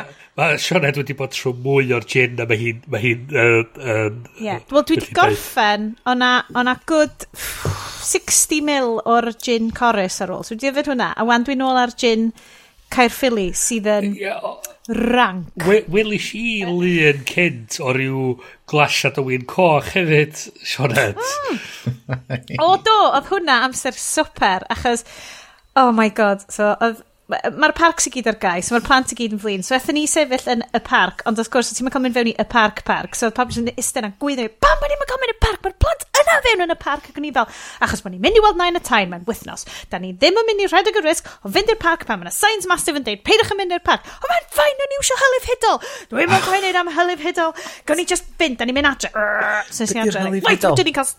O, oh, Helif Uh, alcohol handgel. O, oh, wrth gwrs, wrth gwrs, wrth gwrs. Helif Hydel, mae'n ei iwsio yn yr ysgol hefo nhw. Yn fel, o, okay, mae'n sweet, Nw'n ni ddefnyddio hwnna adre. Mm. So, wedyn nes i adre, wedyn oedd pam yn really flin, so nes i, gwachwch Pokemon, mae mam yn mynd i wneud super i chi. So nes i wneud extra special crumble mwy ar dion oedden ni di hela ar y ffordd adre a meatballs a spaghetti ond oedd angen gwyn coch yn y sos ar gyfer y meatballs a spaghetti so mi agores i botol o wyn coch a mae ges i glas o wyn coch a wedyn nes i ddim enjoyo fo. Yes. A wan dwi just fel, dwi just mynd i efo gin, dwi'n cael llai o hangover efo hwnna. Drink responsibly, kids. Yeah. Ti'n teimlo well di cael hynna allan. Do, dwi'n mor sori. Ti'n mo be, gwych chi wrando nôl ar intro'r rhaglen ma, o'n i'n deud just cyn i gychwyn y cordio, o'n i fel, mae'n manic lockdown energy yma eto, dwi'n panic i gyd, a mae chwech wsos arall a hyn yn mynd i eri fi'n bunkers. Ond dio ddim, na, dwi'n rili really ddiolchgar am beth sgan ni, mae fi iechyd meddwl yn good, dwi'n yfed, yn gymhedrol, dwi yn lwcus iawn, dydy o ddim broblem. Um, os da chi'n teimlo bod yfed wedi mynd yn ormod i chi dros y lockdown, mae yna wastad help i gael, Samaritans, AA, mae nhw yna i helpu chi. Neu just friend. Um, Lot o bobl i stopio smocio, ddo. Ti'n gweld hynna? I mean, achos bod ti socially ddim just yn hangi rownd ffrindiau ti'n smocio, I suppose. Mm. Be yr... Um, e, be, uh, yeah, mae hwnna'n allai hollol ddiall. Dwi'n siŵr sure beth yw'r prif reswm, ond fod... Uh, fod dyn, dyn probably ddim yn licio mynd allan i'r argefn neu bydd well, i smocio. Hefyd eich bod nhw'n smocio pan maen nhw'n yn y gwaith yma lle. a maen nhw'n yeah, social fel. A wedyn, fel maen nhw adra, mae'r plant yna, dyn nhw'n eisiau smocio gwmpas y plant. Mae hwnna yn, ti'n mo be, valid, valid point. Dolly Poinbrown. Um, yeah, dwi'n ymwybodol bod ni'n very uh, boozy-centric kind of podcast. Ond just yeah. achos mae hwn di social ni. Ond dydyn ni ddim yn yfad lot fel arall, meddwl. Na! Dim loads. Ond y wythnos yma, mae wedi bod yn, yn mymryn bob nos ers y Podcast Awards, oherwydd nath y Podcast Awards digwyn, a wedyn oedd hi'n ben blwydd Eve, a mm. wedyn oedd hi'n ben ah. blwydd, a wedyn oedd hi'n boxing, Dioniest. boxing pen blwydd. Ben blwydd.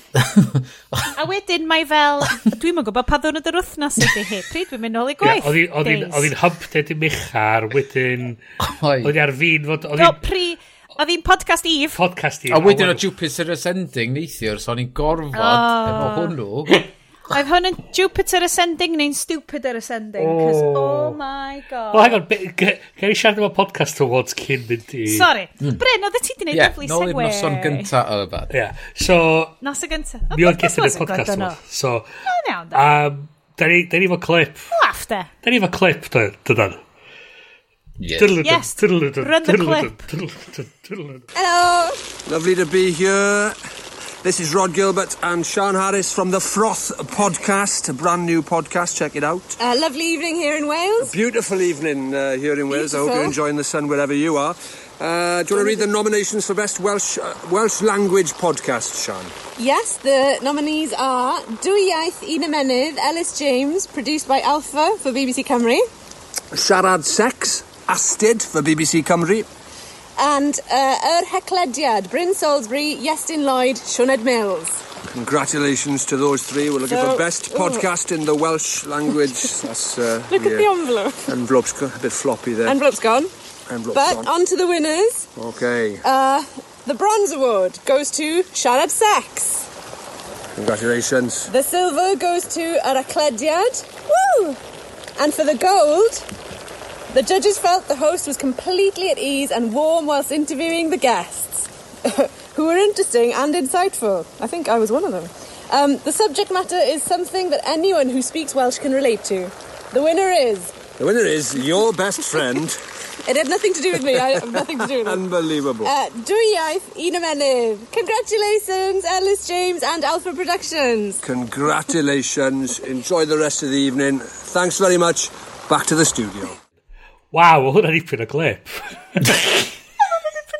Dyma'r tro cynta. So, da ni wedi cael feedback yn dweud, o oh, ie, yeah, oce, okay. Da, dal i chi wneud, twa, dal i chi wneud beth chi'n wneud, byddwch yn greadigol, fel, oh, shit, felly ni'n rhaid fel inserts o stuff yn. O, na, i fod yn deg, i fod yn deg, mae hwn yn neud synwyr, da ni, bod ni newid neud hynna, bod ni, bod ni roed y clip i mewn, chos mae'n ac sy'n neud... Oedd hwnna mor glyfar, da iawn, Mr. Synwyr yn cyd-destun. Yeah. Oh, Ges i'n mynhalu i wneud o. Dwi'n siŵr, dwi siŵr gath y BBC dalu i wneud o efo, efo'r podlediad eraill.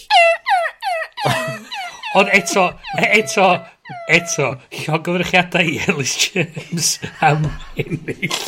Mae Iestyn a fi mynd i fod yn neud bitter bits wen am feddweddill y sioe. Fel... Uh, Ond na, o'n i'n hwyl ddo. Na, mae'n gret. Mae'n gret bod na bobl sydd yn actually neud o fel actual job yn actually neud o, actually go iawn, a wedyn ddothyn ni'n ail. Mae'n mm. fucking insane. Yeah. I mean... I mean, mae'n ma, ma, ma, hwyl. Da ni bod yn neud hyn ers... Just yn atcofio nôl i pam dechreuon ni. Dwi'n meddwl na just yn ni oedd yn neud ar BBC, dwi'n meddwl. Metastunch. stories. O ia, ni oedd hwnna hefyd, so hwnna So oedd hwnna fel 11 mlynedd yn ôl? Ynddi. So... Oh, ma... god, mae'r dyddi yna ma'n really weird. Dwi'n ma'n cofio, achos, achos bod o fel pre... Phones... neis, efo cameras dechrau, a plant. Dwi'n actually plant. cofio, dwi'n ma'n cofio unrhyw beth rhwng tua 2005 a 2012. Hmm. Mae fel, mae ma hwnna i gyd, achos Oedd o kind of fel, o'n i'n rili'n tynnu lluniau ar ffôn fi, ond o'n i'n rili'n tynnu lluniau ar fel 35mm mm. throwaway cams chwaith. Mm. Oedd i yn y gap na do'n. Oedd i yn y gap na do'n. O, oh, pethau drwg ti'n gallu neud os so neb yn cofio amdano nhw cos oes i ddim ar Facebook. Yeah. um, o na, on... na, oedd y Podcast Awards yn greit, oedd yn brofiad amazing, a mae gennau dal yr ffocin confetti can yna. Ia, dwi, da ni heb di tanio hwnna eto. Da ni'n ni disgwyl. Gen ti pen blwydd? Oh. Bas ti'n tanio confetti can... Pon, ponfetti cannon ti? Ar dy ben blwydd? Wel, hey. oedden ni'n gwylio Lego Movie 2 ac oedd o ddim yn ah! aros. Ah, come on. Dwi, dwi fy syniad, be am ni safio fo tan... Popeth yn awesome. Yr er, pen blwydd ni'n ddeg. O, ie. O, ie, ie. Mae gennym ni hwnnw i ddod. Um, mhm. mae planiad yn mynd i chwal pyn bach fel hwnnw, do? Do. O, oh, the live show, mm. yr, uh, live show yn yr O2. God, oedd un o'r podcasts, rei, yr er Shagged Married the Void, which o'n i roed wedi clywed amdano blaen, ond supposedly mae'n masif hefo fel y fucking gratia mams. Mae o'n, Jesus Christ, oedd i fans nhw'n obsesif ar yr, ar yr YouTube stream. Mm. Mae gennyn nhw, I swear to God, beth ydych chi est? Faint o 5 star reviews o gennyn nhw? Uh, 20,000. Dros 20,000. Ac oedden nhw wedi gwerthu allan arena to. Yeah podcast I mean... gyntaf i wneud yna, dwi'n meddwl, mm. Mae I mean... ma, rhywbeth yn... Mae ma o yn ar... Um, uh, be di'r rhaglen Dunsion ar BBC? Dancing with uh, the Stars? Dowch i dwnsio. Dere dansod y fi. Strictly. Dere... Yeah, mae o ar Strictly, dydy. Dere dansod y fi. um, so, you know... Oh, a dwi'n gwybod lle o'n dod cyn hynna. Ond eich yna professional dancer ydi o, dwi'n siŵr. Sure. Ond, um, ond dwi'n meddwl, um, nes i gwrando ar um, blas o'i podcast nhw, lle mae o'n, uh, just nhw yn siarad am bywyd ydi o, uh, nhw fod yn Same. riant uh, in this day and age type of thing. Ac fod yn, maen ma nhw just yn really honest efo'i gilydd ac yn siarad shit fatha da ni'n neud. Ond, um, twa, fe drai ddallt yr apel. Um, mae fel snesa ddo, mae fel soap yn dydio. Yeah. Mae fel hmm. YouTubers na sydd yn neud fel YouTubio fel bywyd nhw fel yeah, cwpl. Mae wedyn maen nhw'n diforsio ar YouTube. Vlog YouTube, uh, just fod nhw'n eistedd flaen microfon am noson o'r wythnos yn um, siarad shit efo glas o wyn. Um, Tebyg, iawn. Mm. Mae'r hangout podcasts ma'n gret. Um, yeah. Dwi'n mynd cedi fod... Um, Ie, yeah, oedd, oedd nhw bach yn fel, oedd nhw fel next level A pam nath nhw ddim ennill gwobr, ethi fans nhw nuts ar y live stream, oedd o'n really funny. Oedd nhw cyhyddo'r awards yn bod yn London-centric. uh, Oedd ni just fel, yeah! Yeah! Yeah! yeah. a, na, oedd o'n lyflu. Oedd, um, ond mi oedd yes yn neud good point, ddo, o fel, uh, o'n i ddylse fod, achos mae yna section ar gyfer fel radio podcasts, a wedyn o'n section, neu, o'n fel cysylltiaeth oedd just ar gyfer radio podcasts, a wedyn o'n gen ti section ar gyfer fel business podcasts, dy, dy, Ond oedd y stwff BBC i gyd yn dod o dan, fel, oedden nhw ddim i gyd yn dod o dan radio podcasts. Ond ydy hwnna achos bod nhw just ar y BBC Sounds app? Dyna mwy A bod nhw mm. mm. ddim yn cael ei darlledu? Bod nhw ddim yn cael ei darlledu? Dyna mwy na byd, dwi'n meddwl.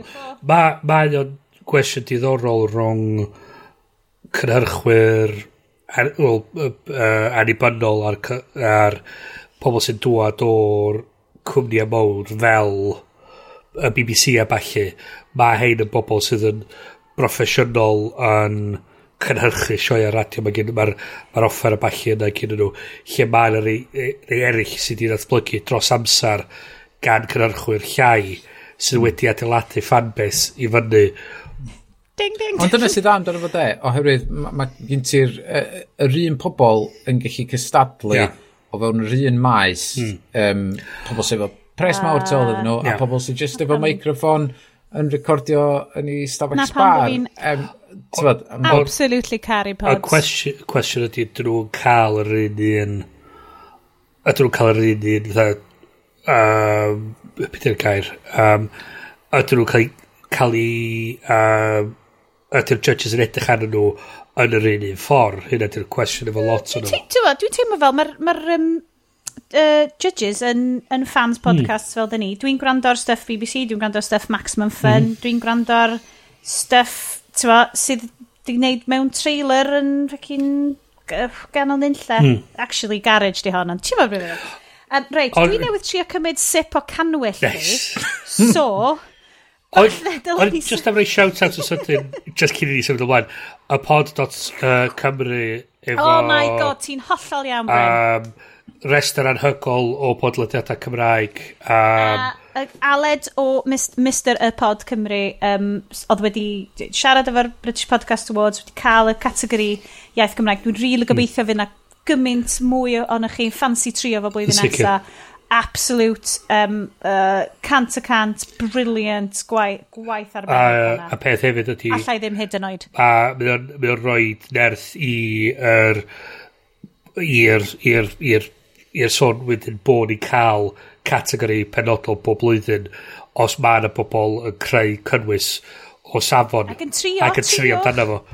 Uh, yeah. trio. trio. Mwy o bobl i drio. Really. mwy o bobl mm -hmm. yeah Mae'n bobl, da ni eisiau rhoi chance i bobl eraill, dais. you know? uh, reit. Na, os, uh, o, o gai, tra dyn ni'n dweud mwy yeah. o bobl, de, gai, gai just yeah. uh, argymell yr um, uh, rhifin di, diweddara random, o, oh, nes i wir fwynhau. Wir, wir er fwynhau. Efo beth Angell. Neu ti Cornel a Eh, ie, Uh, yeah, oedd o wych. O'n i'n really mwynhau. Oedd nhw just yn bitio amdan be oedd yn mynd ymlaen a sefyllfa bob dim ac just dim yn dal yn ôl. Just oedd yeah, lay in, go on, give it hell. ti'n gallu. A hefyd, hefyd, the sign loads gwell, da iawn. oedd, oedd y mics yn gred.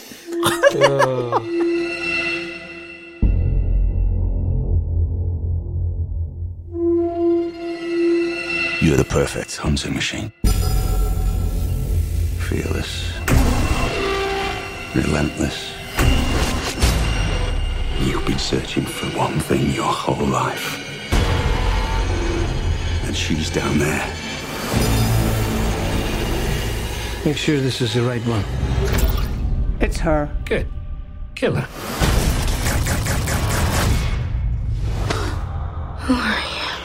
I'm here to help you.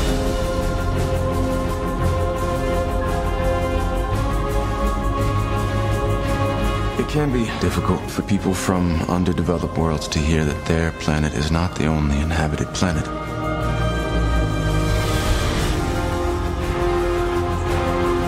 Your Majesty, Kane was the best soldier I ever went into battle with. If she's what you say she is, we're not getting off this planet without a fight. Your Earth is a very small part of a very large industry.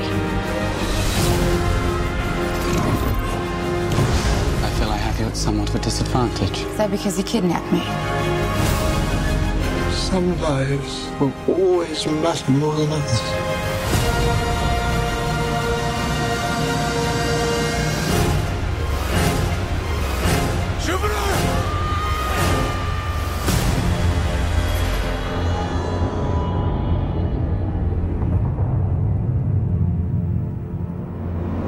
Um, Reit, ffilm di ddim, dyma'r unig reswm da chi'n da chi'n mewn. Dwi'n siŵr bod lot o bobl wedi jumpio straight mewn. Ti hwnna'n Pineapple Express? Na, di, mae hi'n Pump Up the Jam hefyd gan Tiny Rebel. Gen i deimlad, falle bod... O na, Pump Up uh, the Volume, sorry. At dyfgu ar Twitter wedi messenger a ddi wedi gweld rhywbeth bod, bod ti wedi tagio fi mewn rhyw, rhyw llun ar Instagram hefo fel rhain yn y cefndir ac oedd hi'n super argymell pump up the jam fel good drink.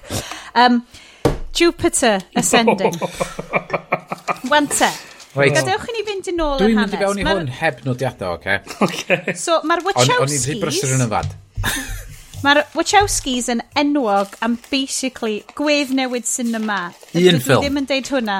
Dwi ddim yn deud hwn ar chwarae bach bod y Matrix, neu The Matrix os hoffech chi, wedi newid cinema, wedi hitio... Mae o'n ffilm, mae yna podlediadau lu. So dwi wedi bod yn gwrando ar y podlediadau Blank Check a um, Can't Get Enough of Keanu. Sef dau podcast dwi'n gwrando arnyn nhw a maen nhw'n ridiculous, ond maen nhw just yn fel um, nerdy, nerdy boys gwyn yn ei ugeiniau yn siarad amdan, siarad amdan Keanu Reeves a uh, just ffilms yn gyffredinol. A mae'r episodes ar y Matrix yn yn briliant, cos maen nhw'n agor dylygu di i just faint o effaith gath y ffilm a faint o knife edge ydy y Matrix o yn ar ben i hunan gallai pob agwedd o'r Matrix fod yn ffoc o corny. Gallai fod yn really awkward a cheesy. A mae pob dewis maen nhw'n gwneud yn 1999 yn dod lawr yr ochr cool. Popeth yn fucking cool, a mae raves cool, a mae'n like grunge, a mae gen nhw dreads, a mae'n cool, a wedyn mae'n black coat mawr di, a mae'n fucking kung fu. Fi'n gwybod kung fu. A wedyn, yn gwachio Jupiter Ascending, 15 mlynedd yn ddiweddarach, ti'n teimlo fod yr, yr, yr ochr llafn yna i gyd wedi dod drosodd ar yr awkward, weird, baffling, ddim yn cool, cheesy ochr o'r uh, gyllell. Achos mae Jupiter Ascending yn ffilm sydd hefo y llinell Are those rocket boots? Neu I love dogs. I love dogs. I love dogs. A, a beth sy'n waith ydy, mae Sean Edward yn y llinell allan o'r cyd-destun. Mm. A hyn o'n y cyd-destun, Dio ddim gwell. No. Mae nhw'n... So, um, Bryn, o'n i'n gweld o ti wedi gwneud lot o nediadau. Be dwi'n teimlo, Jupiter Ascending, mae e ar A o'r tu allan, o edrych ar y plot y pethau, mae'n ffilm rili really ddiddorol. Mae amdan human harvesting. Mae o amdan lot o themau oedd yn y Matrix. A gan bod o'n dod gan ddau filmmaker trans, mae identities a pwy wyt ti, a pwy wyt ti go iawn yn dod allan lot yn efo. Ac oedd ni'n ffeindio hwnna'n rili really ddiddorol. O, Ond yn anffodus... So Yeah. Mae bob beth arall, mae'r ffilm yma mor... Just baffling! Bafflingly wild! So, mae'n teimlo, uh! teimlo i fi fatha cwet yn dolyg. oh. Cer amdani, Bryn. Take me there, Bryn. So, cwet yn dolyg, ti'n gorfod bod yn ofalus iawn lle ti'n rhoi addurniadau falle. Ti'n gorfod wneud yn siŵr oh. bod yr cydbwysedd iawn o addurniadau bob man a bod ti'n rhoi bob dim ond efo. A fyna ti'n rhoi gormod addurniadau efo achos wneud y gwaith yn disgyn drosodd. A Dwi'n teimlo bod y ffilm yma yn gwaith adolyg efo gormod addurniadau efo a bod i disgyn drosodd. Bo nhw wedi basically dipio fo mewn glitter a mae'r whole thing just methu cymryd o. Um, Achos mae'r ma, celf yn amazing, yes, dwi'n yn gwybod os ti'n gallu siarad am hwnna. Pan ti'n edrych yn y fo, ti'n edrych ar stills yn y fo. Hit and miss. Mm. Eh, oedd yr opening shots na, lle maen yr tri brawd a chwaer, neu cyfnitherod, neu yeah. bynnag ydyn nhw. Proter a chwerus. Yn sefyll yeah. yna. Ti'n meddwl fatha, ie, yeah, maen nhw'n sefyll ar set, a maen nhw jyst i reid hun tu ôl mm. iddyn nhw.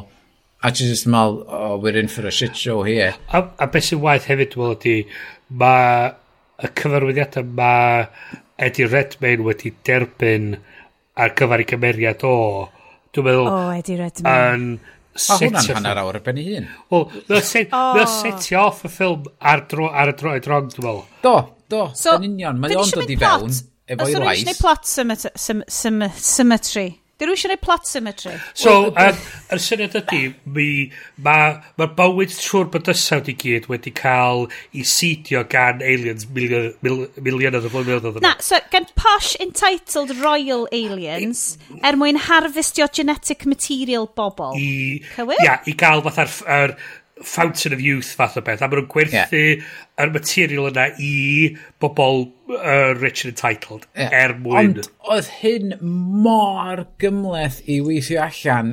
Doedd hwnna... Oedd fatha, oedd chdi fatha, be sy'n mynd ymlaen, pam fod hyn yn digwydd. Nes i ddim Atho... deall hynna, yeah. tan ar ôl gwylio'r ffilm, mm. a darllen y plot summary. Nath hir i fi weithio hynna allan nes, i, nes i ar bwrpas peidio darllen i'n byd amdano fo hmm. ar ôl efo i weld oedd okay, ydw i'n dallt y ffilm ma, ydw i'n gwybod be oedd yn mynd ymlaen. Um, oherwydd oedd o just ddim yn neis. Am fod yn y diwedd, dwi dal ddim yn siŵr be oedd cysylltiad Mila Kunis efo nhw heblaw fod...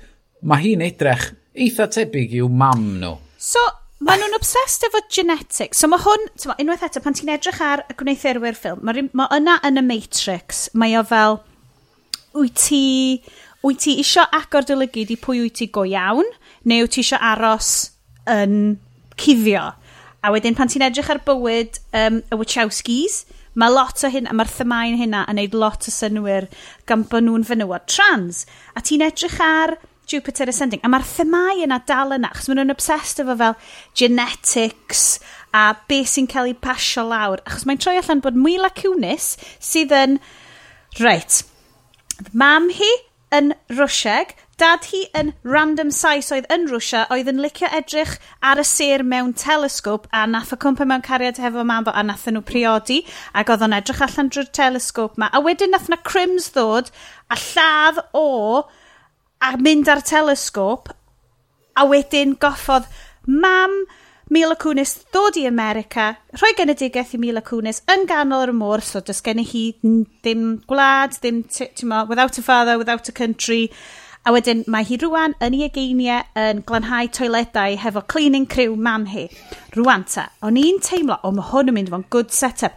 Mae, on, mae tad yn edrych ar y ser. Yeah. Mae hwnna'n mynd i clymu nôl i yeah. rhywbeth. Mae tad yn, yn Mae'n edrych, mae wedi galw hi'n Jupiter, mae hwnna'n really bwysig. Ma, Mae o efo cemdir lle dydy'r mam ddim yn gwybod amdan, rhywun peth a sydd yn oh, Guardians yeah. of the Galaxy 2. I mean, um, imagine, on, gallai hwnna bod... Uh, who is this guy? who is he? Ti'n gwybod be? Dal ddim yn gwybod.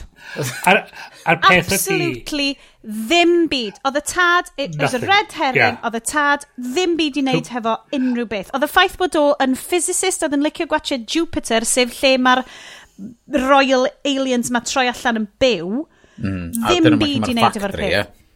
Absolutely, y factory lle maen nhw'n harfistio bobl, mae hi o dawn y smotyn coch ar y blaned iau sydd yn ffantastig. A dyna di enw hi. Mae'n amazing. Ond, ti'n gwybod be? Na, ddim byd i wneud efo'r stori. O gwbl. Di hwnna mynd at un unlle. Mae just digwydd bod, mae hi yn genet random genetic reincarnation mm -hmm. o'r Mam. Queen yeah. Mother yeah. ma. Mae'n troi allan, spoilers, nath Psycho Eddie Redmayne myrdro. Ond oedd o troi allan, oedd o ddim rili'n myrder. Oedd hi mor Richard Spoiled Entitled, oedd hi just eisiau marw. Ond da ni'n mynd cael gweld unrhyw flashbacks ohoni hi, da ni'n mynd cael gwybod unrhyw beth amdani hi, am y ddynes ma, oedd wedi troi'n soft ac actually siachub o bobl yn y pendra. Just, mae'n teimlo fel bod yr ffilm probably yn dwywaith o hyd, so, a bod gymaint o hwnna wedi cael ei torri allan, achos... O, mae Bryn dwi'n neud ymchwil. Do, so, y welish i yn y dyddiau gweitha, o'na, o'na stori am dan cynhyrchu Matrix 2 a Matrix 3. Um, oh. A be oedd o? Reloaded a rhywbeth. A Revolutions. Um, ac oedd o'n di cyfweld ar hen director of photography ar y ffilm na. Chdi roth hwn i fyny ar Twitter, so dwi di randomly ffindio hwn hefyd. Ella bod ti, dwi'n gwybod. Um, A dwi... dwi Chwil? Cheapest guys? Wirioneddol ddim yn cofio. Um, actually, um, hwn na'i defflu'n ymchwil amdan, un byd arall. Fuck that noise. Um, o be oedd o'n dweud oedd, oedd y Wachowskis rhwng y Matrix gynta a'r ail a'r trydydd, rhywsyd wedi cael mewn i penna nhw bod nhw fel Stanley Kubrick. A apparently un o'r pethau Kubrick yn neud hmm. oedd neud um, ail neud a ail seithi bob un golygfa tan oedd yr er actorion just wedi blino'r lan. Dwi'n cofio uh, gweld, ie, yeah, lot o documentaries am wneud y Shining a sydd y mm. Shelley Duvall just ydi cael absolute horror show yeah. ar y ffilm na. A, so, peth ydi mae, um, so ni'n edrych ar i amserlen nhw, so oedd y Matrix a nhw'n gorffen The Matrix yn 2003 wedyn nhw Speed Racer a Cloud Atlas rhwng hynna Speed Racer. cyn neud Jupiter Ascending 2015 a dwi'n teimlo i rhywun yna eich bod nhw'n dal di cario yr Kubrick-esque. Dwi'n just blino pawb hmm. i wneud o teimlo mwy fatha hwnna a bod, bod mwy gritty mwy intense. ond y hmm. problem ydy dwi'n meddwl o Kubrick yn neud ffilms lle oedd gen ti oedd y set go iawn a gen ti ti'n gallu creu y claustrophobia na balla ti'n gallu creu stwff lot mwy agos. Lle mae hein yn neud VFX backdrops i bob mm. dim. Um, ydy mae'n lot o stwff practical yn digwydd yno fo so apparently mae lot o'r scenes lle mae lle mae Channing Tatum yn skatio Mae Ch ma, ma hwnna ti'n neud... efo'i rocket boots. Mae hwnna ti'n neud yn go iawn. A, uh, ag... Ie, yeah, oedd o'n edrych o bod o'n rollerbladio. Ie, yeah, ag... Dwi'n mam deud celwydd. Oedd hwnna'n edrych... Oedd o'n edrych yn stupid. Y llaf yn cheese ma. Oedd o'n edrych yn stupid. Y llaf yn cheese. Achos, lle di all bod nhw wedi mynd, right, mae o'n half werewolf splice. Pa apps. Achos, mae fel y Matrix thing o fel. Be di'r peth mwyaf fucking cool lle di feddwl amdan. Oh my god, anti-gravity rocket boots. Fucking mis. Da ni'n gwybod hyn unwaith eto, fel plant Cymreig, da ni wedi tyfu fyny ar Super Ted. Mae pawb yn gwybod bod anti-gravity rocket boots yn amazing. So, gan i roed nhw i Channing Tatum sydd yn hanner blaidd, hanner person, hanner albino. Sure, why not? Beth... Gai just holi, gwyddonwyr, sut wyt ti'n hanner albino? Just putting it out there. Wydyn nhw wedi anyway. rhoi rhyw prosthetic ar ei, ar ei en o hefyd. So, apparently... Nes ymwneud. Edrych ar llun yn fo yn naturiol a fo yn y ffilm. Mae'n rhyw siap odd ar ei, ar ei, ar ei geno. So, Cys mae'n werewolf subtype. Yeah, um, so, peth ydy'n teimlo, fatha, maen nhw wedi trio gwthio gymaint o crap mewn i'r ffilm ma bod o wedi disgu dros i hyn. So peth ydy, ti'n angen tri villain yn y ffilm? Ond mae'r tri... Okay. Mae'na tri... Ie, yeah, mae'r ffilm yn cael tri... tri villain, so mae'r tri plentyn royal ma yn... Mae na tri... So mae'r ffilm yn gorffen dwywaith. Mae na big scene, mae Mila Kunis, so mae'n troi allan, y Channing Tatum wedi cael ei yrru'r ddeiar i nôl hi achos mae hi'n genetic reincarnation, ond mae na hefyd subplot lle oedd hi'n trio gwerthu wyau hi achos oedd hi eisiau 4,000 dollars i brynu Telescope. Telescope fel ei thad nath hi rioed cwrdd a John possibly... John telescope da iawn. All right, Brian Cox yeah. Gei di, gei um, resolution da ar y telescope yna, mae'r optics yn shit. I mean.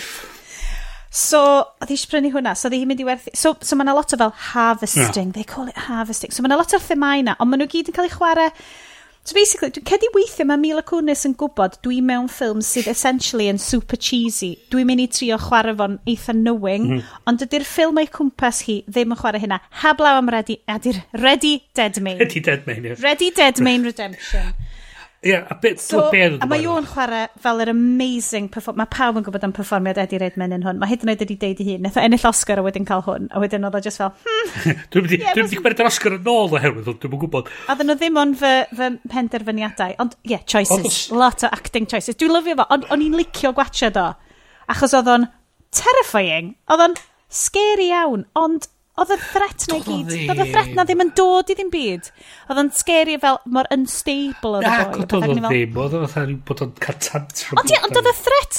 Oedd y threat ddim yn mynd i'n unrhyw negoedd. Oedd o'n neb mewn perig ar unrhyw adag yn ystod y ffilm. Nath hi ddisgyn allan o'r adeilad ddari o mynd â fi gravity rocket boots o dal hi taflu hi o gwmpas y lle efo ddim fath o anaf i ni hi wedyn ac wedyn oedd hi fatha O, na sy'n ddigwydd. Dydy, Do... dydy Jupiter Jones ddim yn cwestiynu unrhyw beth sy'n digwydd i hi hynna. Hwna oedd y beth mwyaf nath hitio fi am y ffilm ac oedd yn spoilio fo fwyaf oedd Mila Kunis ddim yn blown away efo fuck all oedd yn digwydd o'i gwmpas i. Oedd hi'n dead fatha, behind the eyes. Oh, yeah. Tyba, yesterday I was cleaning the toilet, now I'm in space getting married I'm the queen to an of alien. Space. hey, shit happened. So? Are those rocket boots? What? Yeah. Oedd ei fatha... Yeah. Mae pawb yn gwisgo lot eyeliner. A, a, a dwi... Tywod, dwi yn, yn fan o Mila Kunis o, o ran i edrychiad Na, ni. mi gymau hyn. um, Nes i ddeud, gwni i watcha Jupiter Ascending ac ysdi dim ond achos bod Mila Kunis yn y Ie, ie. A fod, dwi, dwi di creu shortcut ar fy ffôn i randomly dewis ffilm Mila Kunis. Os dwi'n deitha fo, hey Siri, it's Kunis time. Ac wedyn, so mae'n randomly dewis ffilm. Ond dwi, dwi, dwi, dwi eisiau fo ddewis y ffilm yma i fi eto. Mae ma hwn yn beyond. Tyfo? Mae Sharin cool efo hyn, just fel... Oh. Beth sy'n digwydd os ti'n... Na, ti'n mynd beth? Na, dwi'n mynd i fynd. Na. Um, Pawb. Wow! Oh, yeah. Na! A bot, a bot, a bot. Um, dwi hef, dwi yn, dwi yn lyfio hynna, diolch yes. Dwi, dwi jyst eisiau oh. dechrau gweiddi, it's coolness time. Tra um... Nes ti wedi, it's coolness time. Oh, anyway, pa, um, pa ffilm nath o ddewis? O, oh, mae'r ma shortcuts app di torri oherwydd yr update uh, a bla bla bla. Okay. Oh, um, okay. Well, friends with benefits, mae'n siwr. Na i dwysio hwnna. A wedyn, so, am ryw reswm, so, yeah. o'na ryw tribute i Brazil yn ganol oh, y ffilm. God. What was so that I about? Where were we? So, what the oedd, hell was mar, going on? Mae'r strwythyr yn nuts, a wedyn dwi'n cofio ar un like, literally scene cynt mynd, oh, Jesus Christ, mae hwn just fucking Terry Gilliam film. A mae oh, Terry oh, Gilliam yn troi fyny. Mae Terry Gilliam yn troi fyny yno fo, ac yn i fel, wel mae hwn bach yn too much. Achos dyna'r thing, right? Dyna pan dwi eisiau dod o hyn nôl i Valerian, mm. right? Mae'r un un vibe yna, hmm. a dwi'n gwybod Bryn, dydyn ni ddim yn mynd i weld llygad yn lygad, mae'r un un vibe yna yn, yn Valerian, the ridiculousness o hyn, ond yna rhywbeth Oedd Valerian yn mwy cohesif. Oedd o'n edrych yn well, oedd o'n fwy cohesif, dwi'n mynd dweud bod o'n ei mwy o sens, ond oedd o'n fwy cohesif. Na, na, dwi'n cytuno fod ti, oedd Valerian yn neud, oedd Valerian yn trio neud llai yn yr amser oedd gyda nhw ac oedd hynna'n helpu rhyw radda o hwn yn trio hmm. gormod yn yr amser yna oedd hwn oedd hwn yn trio neud fel 12 episode miniseries o plot achos mae hi yn mae'n diweddu fyny mae'r mae, mae, mae Brodyr y chwiorydd Space Dis... Beth ydy'r... Mae yna masif drama yn America. Mae pawb yn obsessed hefo fo, hefo fel Christopher Plummer yn fo, fel hen foi. A mae pawb eisiau bres o neu rhywbeth. Uh, Ti'n meddwl am Brian Cox? O oh, ie, yeah, dim Brian. Ie, pwy diolch. E? Mae fel etifeddiaeth. Succession, ie. Yeah. So, mae just fel episode hir iawn o hwnna fel. Chos, oh, right, so hon ydi mam ni, basically uh, wedi cael ei reincarnatio, ond mae hi hefyd yn toilet cleaner o Chicago, great. So mae'n mynd at Ie. Mae'n sy'n dweud, am ryw reswm, yn yr amser yna yn, yn creu ffilmiau, o gas gyn pob oedd yn neud ffilmiau Chicago, o gas gyda nhw Chicago. Oedden nhw jyst eisiau dinistrio Chicago. Chicago. Oedd gyd ti uh, Transformers na chwalu Chicago dwywaith, a wedyn oedd gyd ti hwn yn chwalu Chicago. A wedyn oedd... Um, Dark Knight. Dark Knight hefyd. Ac oedd a wedyn rhywsut o Chicago cael ei ailadeiladu gyn yr aliens dros nos ar y neb. Oh, yeah. Ar, Just have a look over your shoulder, there it is, it's being rebuilt. And o'n i'n edrych yn yma fel so, Still looks burn, like it's on fire to me. Yeah, yn edrych yn ffact i. What? Um, so, nath roed hefyd, mae Channing Tatum... Gai deud rhywbeth de, nath o'n yeah. really tablu fi yeah. yn ganol y ffilm. Yn, yn y scene lle oedden nhw'n hedfan rhwng Chicago, bachu, Um, ond nes i trio rewindio fel pause fo, ac yn meddwl, ie, dwi'n siŵr na dyna di hwnna. Um, Mae pawb yn gwybod am uh, series Cheers. Yeah? Oh, yeah. Yeah, yn yeah. y pub. Based in Boston. Yeah. Ond dwi, dwi siŵr nath na arwydd mawr Cheers ar hmm. ochr yr adeilad lle oedden nhw wedi mynd lawr at y stryd ac wedyn oedd yn deud Cheers yn y logo Cheers the TV show ar ochr yr adeilad yma that's, that, that looks be. weird mi oedden ni'n gwachio da oedd uh, Milsey fy ngŵr wedi mynd ei hey, hwn ydy'r bit yn um, Blues Brothers. Fan ydy lle maen nhw'n... Mae'r cops yn cheisio nhw'n Blues Brothers. Ah. Can i just fel... Oh, actually, fel bod hynna. Um, so mae ma un o'r Royal cyn etifeddiaeth bobl yma yn dod lawr a mae um, yn gyrru Channing Tatum i cydnapio Mila Kunis. So mae hi, digwydd bod, mae'n cydnapio hi, ond digwydd bod, mae'n achub hi wrth tîm y boi arall. So mae yna un tîm wedi mynd i trio achub hi um, a er mwyn cipio hi nôl a spoilers prodi hi a wedyn mae yna tîm arall wedi mynd i trio lladd hi so bod nhw'n cael yr etifeddiaeth. It's all very complicated. Ond mae hi'n endio fyny yn gyntaf yn mynd i fel yr chwaer. Mae chwaer yn dangos fel, ha, drecha, dwi'n gallu bod yn... Tuppence, tuppence Middleton. I mean. I mm. mean, am enw. Amazing. Mm -hmm. Um, so mae hi'n dangos fel, ydrych ti'n gallu cael fel Eternal Youth o'r thing, mae sbio na fi, dwi'n stunning. A wedyn mae Mila Kunis fel, a... Ah, Dwi'n bo, dwi'n edrych yn amazing anyway, dwi'n bwys. A wedyn, so mae wedyn yr ail brawd yn sort of kidnapio hi, a wedyn eisiau prodi hi, a dyma lle effe bach yn weird ac yn incesty, achos oedd o just fel, ti'n edrych fel mam fi, a dwi'n gwybod na ddim mam fi, wyt ti, ac yn i kind of fel, nian, fel mam chdi. Mae literally genetic reprint y mam di, a rwan ti eisiau prodi hi. So, mae yna really themes o fel creepy, corruption, ah. a'r, ar whole thing ydy maen nhw eisiau harvestio bobl. So mae'r syniadau ma'n masif. Ne. Ond mae'r llafn cheese hmm. yna yn dod lawr ar yr ochr rong ar bob a, penderfyniad. A maen nhw wedi trio creu, fel ti'n deud, yr 10-12 episode miniac, miniseries ma o syniadau a sy'n cael amser i chwilio yn fanwl mewn i'r syniadau yna dros deudag episod a maen nhw wedi trio gwthio bob un syniad mewn i'r ffilm ma heb rili ystyried ydy o'n angen angenrheidol. Fel... Ond dyma'r bobl nath Cloud Atlas sydd yn ffilm sydd just yn pob 20 million syniadau. Uh, Ond ia, mae'r llyfr ddo, mae'r ma, ma, llyfr yn, yn... Cloud Atlas. Ie, yeah, mae, mae o'i hun yn llyfr enfawr ac sydd yn sbanio gymaint o amser. Mae o'n stupid o syniad i drio gwasgu hwnna i gyd i fewn i ffilm, a dyna nath nhw. So, ti'n bod, oedd yn rili mynd i weithio. Fel oedd Iestyn yn dweud, beth sy'n bod yn ddiddorol ydy, a cael gwarad o'r yr chwaer a'r, ar brawd arall. Eddie Redman fel y villain o'r ffilm yn bob, yn bob un sîn. A hyd yn oed jyst angen bod na'n ei beidio. Dyle fod yn bod. So, fo, fo, fo, fod, fo yr unig filen, de. Ie, yeah, a bod gwerthu'r stwff i bobl eraill. Y thad, y thad oedd wedi dianc i'r ddeiar chys oedd o'n cytuno fy beth yn ymlaen. Mae o'n... Right, hold on. So, so hwn ydi alternate pitch ti. Yeah. So, mae'n troi allan bod tad yr evil descendants yma mm -hmm oedd actually tad Jupiter Jones. Yeah. Si dyna sut o'n i'n meddwl oedd y stori? Fysa hynna wedi neud, sort of, fel oedd yesterday, sy'n ydi, sy'n ydi creu rhywbeth bach mwy cohesif a wedyn ti'n gadael yr llunin yna fynd fynd. Mae ma yna resistance, eilla, so, dyna lle ti'n dod i fewn yn rhywun fatha Sean Bean neu rhywbeth yn y cefndir. Da ni'n hyd yn oed wedi siarad fel, am Sean Bean. Mae um, ti wedyn efo Tatum fel rhyw fath fatha rhyw bounty hunter slash Han Solo type situation lle mi oedd i cael ei talu i, i kidnapio Mila Kunis a fel mi o'n mynd ar y ffordd yn mynd â hi nôl mi o'n newid i meddwl a wedyn safon neud syniad wedyn bod nhw'n disgyn mewn cariad a bod hi'n confincio fo bod o ar ochr rong mae nhw wedyn yn newid ac yn mynd ar ôl yr hanner brawd cymeriad drosodd y whole thing a dyna ni mae, mae gem drosodd.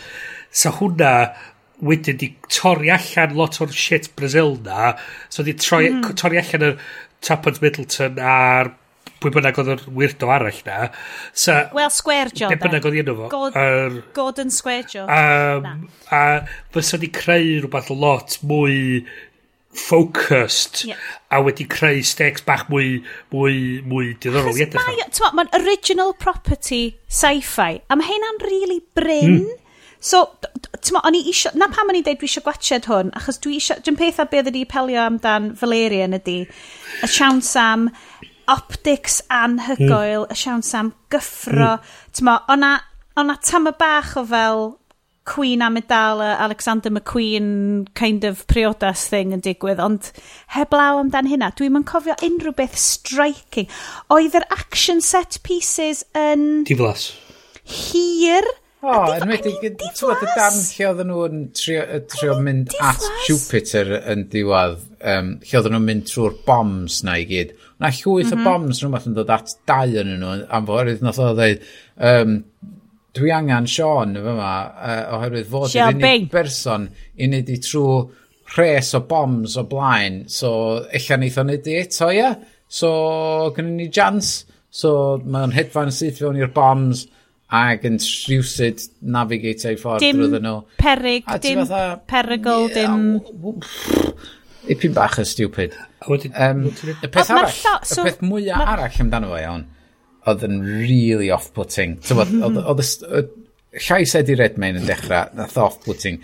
Wedyn, pan ti'n gweld y dinosaurs efo'r wings allan o Super Mario Brothers The Movie, ti just fatha, be, pwy di hein? Dyna, dyna literally beth Aldi pwyntio allan oedd Aldi fel, so dwi'n deall y busnes ma bod fel humans yn cael ei seedio gan fel y superhumans fel ageless ma. Lle ffwc ma fel y lizards na'n do fewn iddi? Ie, yeah, oedd hwnna rhywbeth i wneud efo y ffaith fod y humans wedi lladd off y dinosaurs ar blaned uh, oherwydd y greu y ffarm a fod nhw wedi safio rhi yn nhw fatha i weithio iddyn nhw? Waw, nes ti, nes ti bigo hynna fyny, o'n i bydda, nath hynna cyrri a fi bod hynna bosib, bo... Ie, yeah, bod na'r na, na, na super descendants ma mm. oedd wedi lladd y... Achos dwi'n cofio, a mae mor laborious y text yr, yr fel sydd hi just mynd, so hold on, you You destroyed the dinosaurs. a, a, a, a ti sicr, hwnna ydy dy gwestiwn gyntaf di. Hwnna ydy dy gwestiwn gyntaf di. Ti newydd, fi dechrau'n ein bod aliens yn bodoli. Dau, ti wedi cael dafod o gwmpas y skyline yn Chicago. A rocket boots. A rocket boots fel pethau chwthu fyny. Ti di, mae yna rhyw aliens di trio dy lard di mewn mewn gynecology appointment. Wyt ti rwan yn Mr um, Clwb Gwenynwyr Meirionydd Sean Bean, ti'n ffarm fo, a mae'r gwenyn i gyd yn dwnsio rown ti, achos maen nhw, well, they've been trained, you see, they can recognise royalty. A, a, a, a, a, a'r cwestiwn ti'n gofyn ydi, chi na lladd allan y dinosaurs? Really? Hwna di'r cwestiwn sy'n dod i hwnnw. That's where you go, a, yeah. A nid yn unig hynna, Ond mewn fatha, fatha sa ti'n gofyn, o, da ni'n gallu... Be, dwi'n gallu, gallu archebu o unrhyw restaurants dwi isio. Fatha be, fatha, dwi'n... Fatha, be, be, dwi'n cael dewis be, uh, pryd dwi'n mynd i gwely. Fatha, mae'n just fatha, di'r cwestiwn ddim yn bwysig. Di'r cwestiwn ni ddim yn bwysig. Mae oedd o'n frustrating. Heblaw am den Eddie Redmayne um, a Werewolf Superted a Sean Bean do'n i ddim yn teimlo fel bod unrhyw beth yn rewardio yr amser no, o'n i'n yeah. gorau rhoi fewn no. i tri ending i'r ffilm yma achos mae gen ti fel yr ending fel mae fel, ma fel Wayne's World oh this is a super downbeat ending lle mae hi'n prodi ac hi'n Gordon Lockjaw a wedyn yr ail, yr ail ending lle mae hi actually yn fel defeatio Only Redman A pan mae Eddie Redmayne yn dweud, I killed her! A fe fel ffacin, mae'n full Palpatine, o. Yeah. A wedyn... So, nes i sgwini, nes i sgwini lawr fatha Brian Blessed, fatha Brian Blessed, ond na, ti'n iawn, fatha Ian Home, fatha. It's Ian McDermott. Ie, ie, just fatha, fatha, seriously, oh. Ond, ond pan wyt ti'n cymharu fo rai? Chos dwi'n dwi gweld, dwi, dwi dal eisiau gwneud y cymhariaeth ma hefo um, O, oh, be di enw cyfarwyddwr Valerian? Uh, Dde di wneud y Fifth oh, Element? Oh, uh, Luc Besson. Luc Besson. Luc Besson. So, Besson ar Wachowskis, right? Meddylia, yr un un aesthetic ydi o. Meddylia, um, merched cool 90s hefo gwallt fluorescent mewn dreads. It's the fifth element. Mae gwallt Lana Wachowski yn edrych fel gwallt yr fel like, invisible motorbike ninja yn y ffilm yma. Mae like, ma aesthetic nhw mor ddiddorol a da a cool. A mae gen nhw gymaint i ddeud fel, ti'n ma, ti'n gallu edrych yn ei, yn ei ffilms nhw, mae gen nhw gymaint i ddeud fel i profiad bywyd nhw wedi bod yn hollol anhygoel o ran wedi bod trwy transitions, wedi, wedi dod trwy, wedi wneud y ffilm nath newid cinema. Um, ti'n Bryn? okay.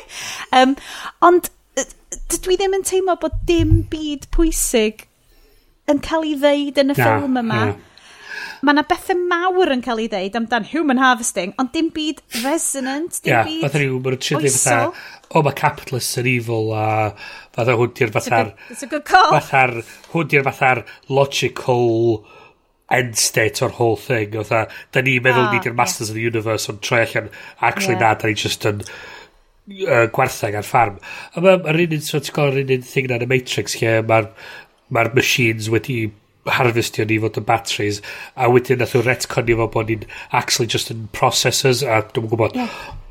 So yr, yr un o'r pethau oedd fel merch oedd wedi really taflu fi oedd ffaith, so oedd, uh, mae un o'r er prif beth yn y ffilm ydi bod Mila Kunis yn mynd i werthu i wyau hi a maen nhw'n deud, and, um, a mae'n deud, and it's amazing because they call it harvesting, a wedyn mae hwnna'n dod nôl i fel sut maen nhw'n harvest, this planet is ripe for harvest, a, a dyn nhw'n sôn amdan fel i um, wyau hi. So mae di bod, mae, a mae'n cael massive, traumatic, terrifying fucking peth. Lle mae hi ar, mae hi ar yr operating table yn barod i gael fel um, y, y triniaeth really brawychus ma di wneud i hi a wedyn mae'r mae troi allan bod yr ho, mae fel, mae fel breuddwyd horrific ti'n cael. Lle, a mae'n troi allan bod yr holl tîm yn, yr holl tîm sydd yn ei um, i fod yn, yn neud y triniaeth mae hi, actually yn aliens, uh, just yn ei lladd hi. Sydd yn yfad coffi yn Men in Black, oedden nhw, ia? Yeah? 100%, 100%, right? A wedyn, so mae'n neud hynna, a wedyn, ma fucking Rocket Boot Soup Ted yn do fewn, a mae o'n dod fyr, a mae o, Channing Tatum sy'n yna, piw, piw, piw, piw, piw, piw, piw, ach a mae hi'n levitatio hefo just gawn arno. Just, just, ac obviously, mae hi'n probably'n borcyn o dan y gawn ma, a mae gen i'r masg ma di, di strapio mewn i'w gwyneb hi, a maen nhw'n stopio oxygen hi. A wedyn mae hi'n deffro yn ei dillad ar top skyscraper fel yr end shot o Fight Club. A wedyn mae Channing Tatum just yna, a mod i rhoi gwrn wrth ymyl hi, a mae hi'n deffro mewn fel, fuck, fuck, lle dwi, lle dwi, lle dwi. A wedyn, mae ma hi'n grabio'r gwrn, ac oedd o fel, yeah, I thought you'd feel better uh, if you, you know, when you woke up with that. Ac o'n i just fel, dydy hi ddim yn cwestiynu o gwbl be mae'r dyn yma, like, meddwl i'r trom, like, mae dy mm. feddwl di fel merch yn mynd sydd cyntaf i ddeg, lle dwi, mm. Mm-hmm. pan bod fi fan hyn, be ti di wneud i fi, mm. y peth ola dwi'n cofio di'r trom a masif ma. Ac o, A dwi'n gwybod bod o ddim yn ei dwelio yno fo, ond fel y, er, thing da chi'ch dau i wedi deud o ran, dydy hi ddim, does dim cwestiynu. Mm. Tymo, fel audience surrogate, kind of dyle hi fod. Dyle hi fod fel... Dyle yna fod yn fwy o conflict Lle mae'r outrage? Lle mae'r... Ie, yeah, just y terror. Lle mae'r ma emotion? Lle mae'r oh. emotion? Wel, oh. ddim, nag oedd. Ah, na. So, oedd hwn ddim yn, ddim yn hwyl i watched chwaith? Heblaw mae di Redmayne, obviously. Wel, y peth he- hefyd ydi, oedd rhywbeth yn trio gymdeud, mae Mila Kunis a mae ma Channing Tatum, mae nhw'n ddau person deiniadol. Chemistry, chemistry, yeah. Ie. chemistry. Now, kiss. Sut ar ôl i, i aliens trio lladd chdi, tra oeddech chdi mynd i reid y wyau i ffwr, ac oeddech chdi noeth dan gawn, ti wedyn yn meddwl, This is a wolf man. I will try my luck with this wolf man after this traumatic event. Oh, I just think, what? A, mae'n mynd i traumatic event arall, lle mae hi'n dweud, o, dwi'n mynd â ti off y ddeiar i blaned arall. So mae'n mynd trwy'r ffenast ac yn fyny i'r... Ie, yeah, ie, yeah, a disgyn. A wedyn, a wedyn mae'r ma ma ma ma spaceships eraill mae'n mynd, chwthyn hwnna i fyny, mae hi'n disgyn. A wedyn, mae o'n taflu ti o gwmpas eich Eto, tro, e tro mae arall dim byd. Mae hi, yeah. Mae'r son, mae'n bobl di marw fanna. Yeah. Yeah. A wedyn mae hi continuously yn trio Just ista yn y car. Snogio'r boi. Yn wedyn mynd, I think I like oh, pam you. Hi, pam na fo, pam na fo oedd yn dreifio? So, oedden nhw di endio fyny, mae di achub Chicago, mae nhw'n dreifio ffwrdd o'r Chicago, yn goleddydd, popeth yn oh, greit. Mae o yn gyrru. O, dydy hi ddim yn fit state i gyrru ar ôl hynna i gyd, siwr. Sure a wedyn... Like space alien? A wedyn, eto fel ti'n dweud cynt fatha, y questions ti'n gofyn, wedyn mae hi'n mynd, o, dwi am edrych am, um, edrych am manylion y person sydd da ni wedi dwy'n y car mae cyn i adon nhw wybod bod ni wedi dwy'n y car a ti'n yeah. really hwnna di dy gyntaf serta fel a, a wedyn mae nhw'n mynd wedyn nhw'n dweud o ti'n gwydi Mae cymeriad allan, o, oh, lwcus bod, merch oedd yn bia'r car yma, mae gen i hi... Uh, uh, Pads. Mae sanitary towel. Gret, er roed hwnna ar hwnna. A wedyn, Sean Bean wedyn, mae'n edrych ar o gymryd, Mae'n ffwc di hwn, taflid o fath o beth, a, a taflid at i hi. A ti dweud... Y peth ydi, o'n i'n pigo fyny o hynna, di o really och? oedd y boi wedi cael ei seithi, who cares be sydd arno fo? Nath, nath nhw'n neud y gorau efo be oedd gyda nhw, so Literally, mae'r pads yna'n designed i socio gwaed. Dwi'n credu bod hwnna'n syniad arbennig i roed ar bloodshot wound. Um, a just, mae'n eto, just mae'n so, lot elfenna fysa di gweithio os oes nhw wedi tynnu allan fatha 90 y cant o'r shit. yeah, dwi'n licio y syniad yna. Ti'n mo, ma pa, achos mae o fel, a dede ti beidio, Mills and Boone, right? Mae o fel, ti yn toilet cleaner. Dwi, fel menyw, yn teimlo fel toilet cleaner. Dwi yn teimlo fel... Mae gen, oedd gennau kids yn, rhwng gwatch y Pokemon, oedd yn just mynd, Mam, pryd mae bwyd yn barod? A just fel, mm, it's fine. Mae'n ffain, mae'n ffain, yfed gwyn. Uh, na, Mae hwnna'n joc. Mae wine mams just yn stupid cliché. Pidwch yn neud o. Um, ond mae Mills yn bŵn y dydy. A mae hi'n cael ei achub gen ridiculously good looking half dog werewolf space alien. A mae o'n mae'n llythrenol yn cario hi mewn poses. Mae nhw'n rhoi o i gario hi mewn poses. Mae nhw yn cael ei beamio fyny mewn gole nefolaidd. A mewn gymaint o'r shots, mae o'n fo yn cario hi fel, fel arwr, fel a, a bo, hi, a bo hyn yn rhyw fantasy iddi hi, so fysa hi ddim yn cwestiynu fo. Fysa hi ddim yn cymryd bod na trauma di digwydd. Fysa hi just yn mynd, mae hwn yn grid, I'm the fucking queen of the universe. Awa, I could snog you dog boy. So, um, so, o'n i darllen lot wedyn ar ôl hyn, ac nath o atgoffa fi o um, Kingsman. A, dwi'n mond wedi gwachio Kingsman 1 a dwi'n dyfaru. Oce, okay, wel... Mm, so Kingsman wedi selio ar comics, right? A mhm. o'n i siarad efo boi oedd yn redag shop comics pam dos hwnna yr comic allan y reidiol, o'n i'n gofyn oedd amdano fo. A beth oedd oedd y fi di, paid a boddran, wish fulfillment i teenage, teenage boys dio. Ah.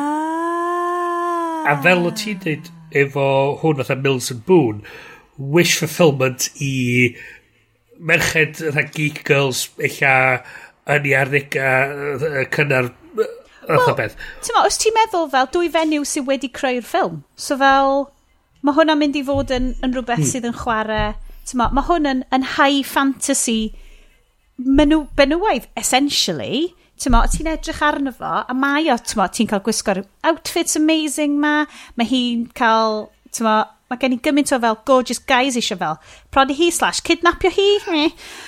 Tymo, mae ma na elfen o hynna yno fo. Mm. Ond hynna di penod efo'r efo, efo edrychad yna arno fo, mae'r ffaith bod nhw'n glosio dros y traumas i gyd, a ddim allan rhoi siawns i hi fod yn fatha rhyw yn cymerid rheolaeth dros hynna, dwi'n meddwl yn tynnu o rwch yeah. hynna. Tynnu oddi ar so, Definitely.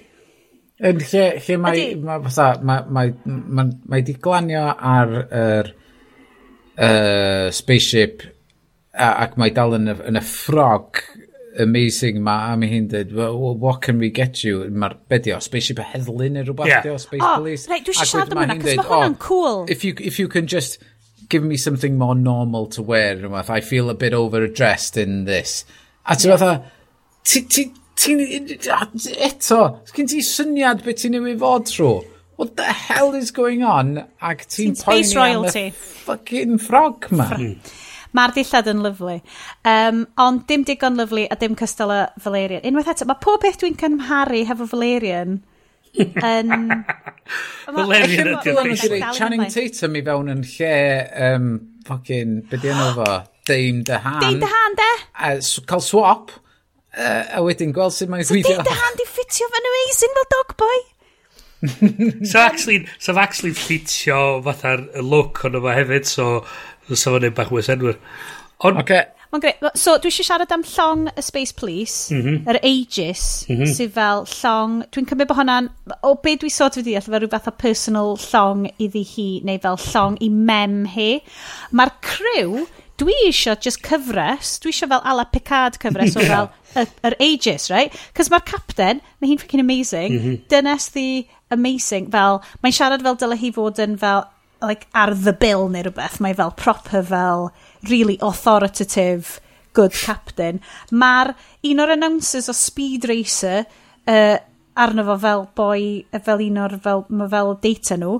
Wedyn mae gen nhw fel uh, proper fel Dwi'n dwi eitha hyderus bod y bobl ar Discovery wedi fel copio hwnna, achos mae gen ti fel Android Girl mm. Saesneg hefo fel eiliau super uchel, mae'n edrych fel, mae'n greu, mae'n, ma like, aesthetically mae'n edrych fel Metropolis, ti'n ma? Fel y hogan o Metropolis, fel y robot hogan A hwnna. Mae'r crew ma'n amazing. Dylen nhw just gael adventures yeah. ar y llong yna. Mae'r llong yna'n brilliant. A dyna di'r traffaeth ydy. Mae nhw wedi... Chos bod nhw wedi cramio cymaint o'r syniadau yma mewn i'r ffilm sydd yn rhyw ddwy awr. Mm -hmm. Dio, mae yna gymaint...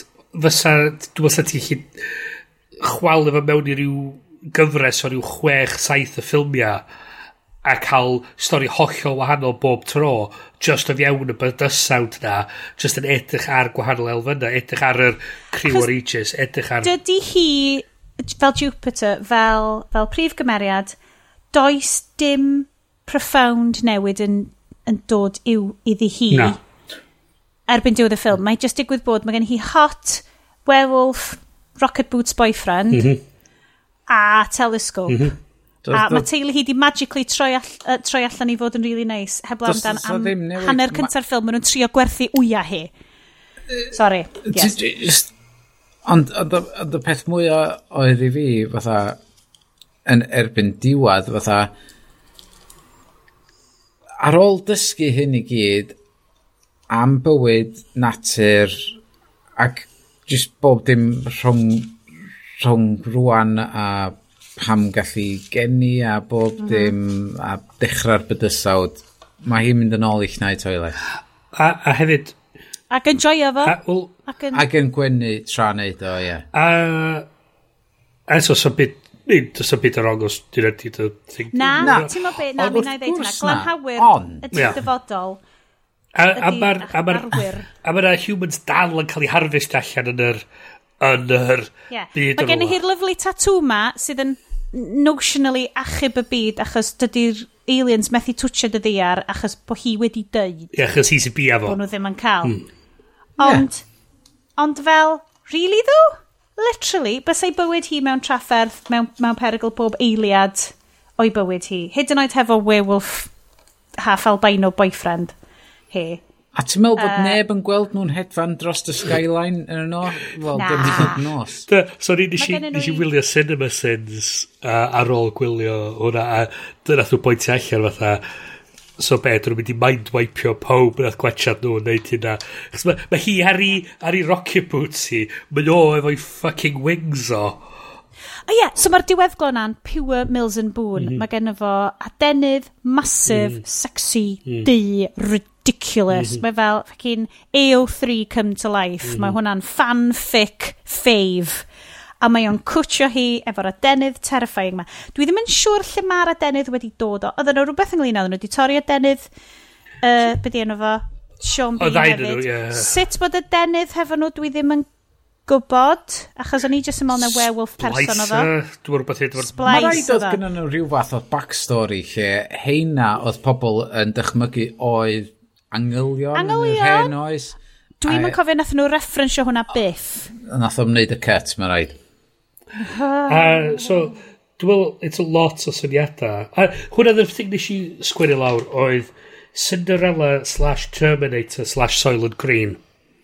Nice. Be oedd y rybys trwy'r ffilm i gyd, de, i fi yn bersonol, oedd y ffaith fod... Pe na, nath i, nath i ni o'r boi yn y nuts unwaith, dwi'n meddwl, dyna nes i weld. Oh, yeah. Na, ta dwi'n meddwl yn ffilm Dyna dda'r unig... Oedd hi'n very passive yn doedd. Adag arall oedd hi'n gorfod cael ei achub. Bob yeah, tro. A dwi'n gwybod, mo, mae yn trope bod gallith pawb ddim bod yn Trinity, ond cyn sa'n neis ar rwy'n ar gyfil Trinity yn y ffilm yma. Achos... Sa'n gen i hi agency. Ti'n be, hwnna dio. Achos y, y pethau mae hi'n cael ei gwthio i wneud, fel y priodi, yr, yr achub teulu hi a stwff, dydy hi beth ar flaen y gad. A swn i'n licio meddwl, fel mae tad hi'n rhyw fath o nuclear, amazing nuclear physicist, mae mam hi yn fel dyna sydd wedi manage o cael ei merchu o Rwsia i America, resourceful, single mam, di dod ac cychwyn busnes glanhau hunan. Yeah. I mean, mae yna rhywbeth yna sydd yn fwy na beth da ni wedi gweld. Ma na, na pam, o'n i isio fo fod yn yn fwy, o'n i'n neu hyd yn oed bod o'n linio gymaint fewn i'r Eddie Redmayne. Oedd Eddie Redmayne yn gwybod pa ffilm oedd o yna fo? Ond pam, wow. pam fod... Pam fod... O, a, ar ôl i'r tad farw, oedd y mam yeah.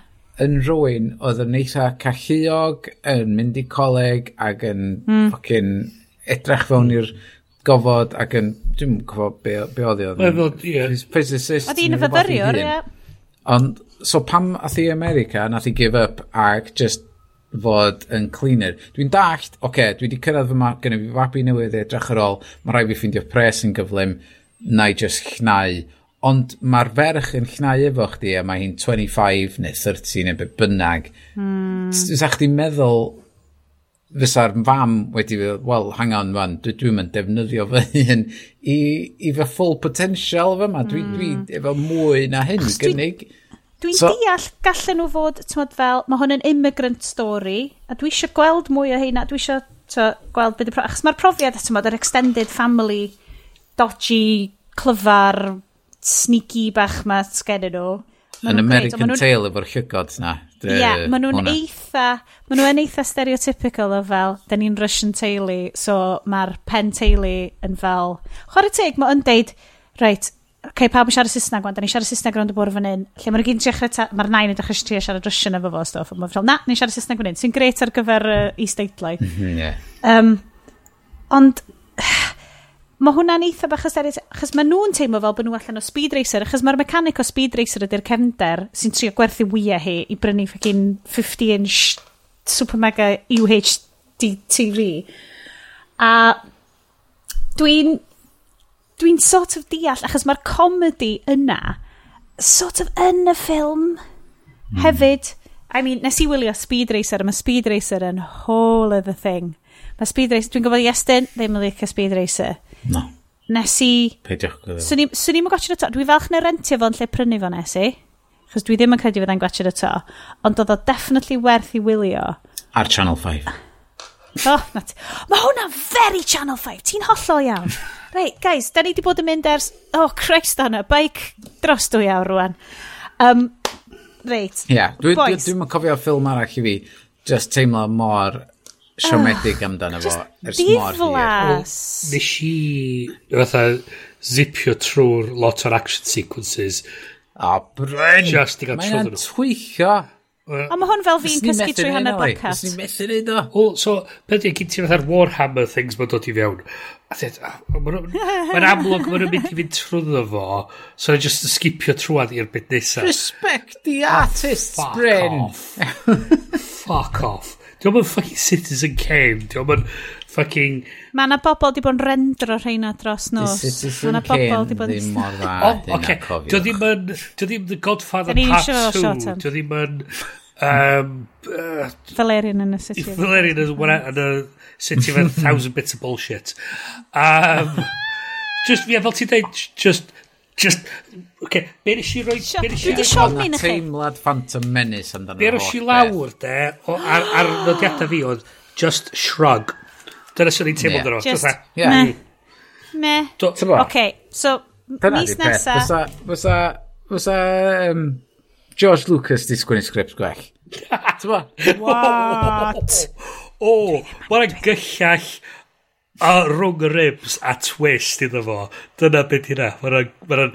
Ti'n meddwl be, dwi wedi bod yn gwasio... Right, dwi'n mynd i ddeud hwn, yr anecdote yma rwan, dwi wedi bod yn gwrando, a, a wedyn, na i just diffodd ni, a geith pawb rec neud recommendations nhw a pawb mynd i gysgu.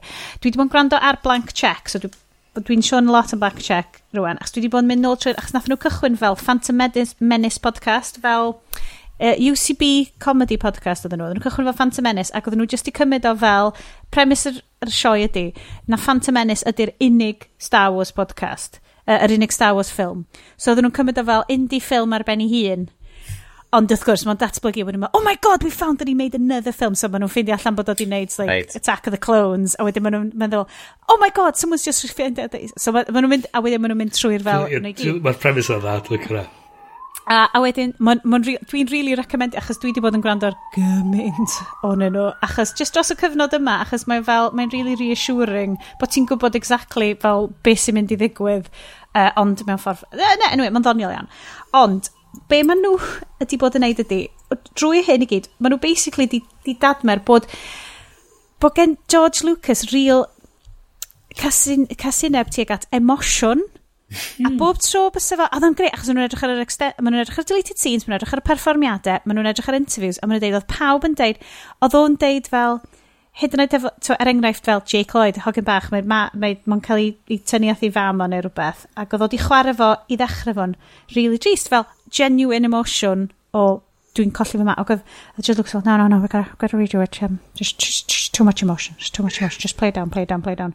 a ma di, ma, a literally, ma nhw di deud, dyna beth sydd wedi hampra Hayden Christensen, ydy'r ffaith bob tro sef o'n trio codi'r emotions. Mae'r ma, ma llinell, just... mae'r llinell yn galw emotion, a dos a ddim emotion yna. A mae'r, ie, ond na, mae'r ah. llinell, yn, mae'r ma situation yn galw emotion, dydy'r sgript ddim. Hmm.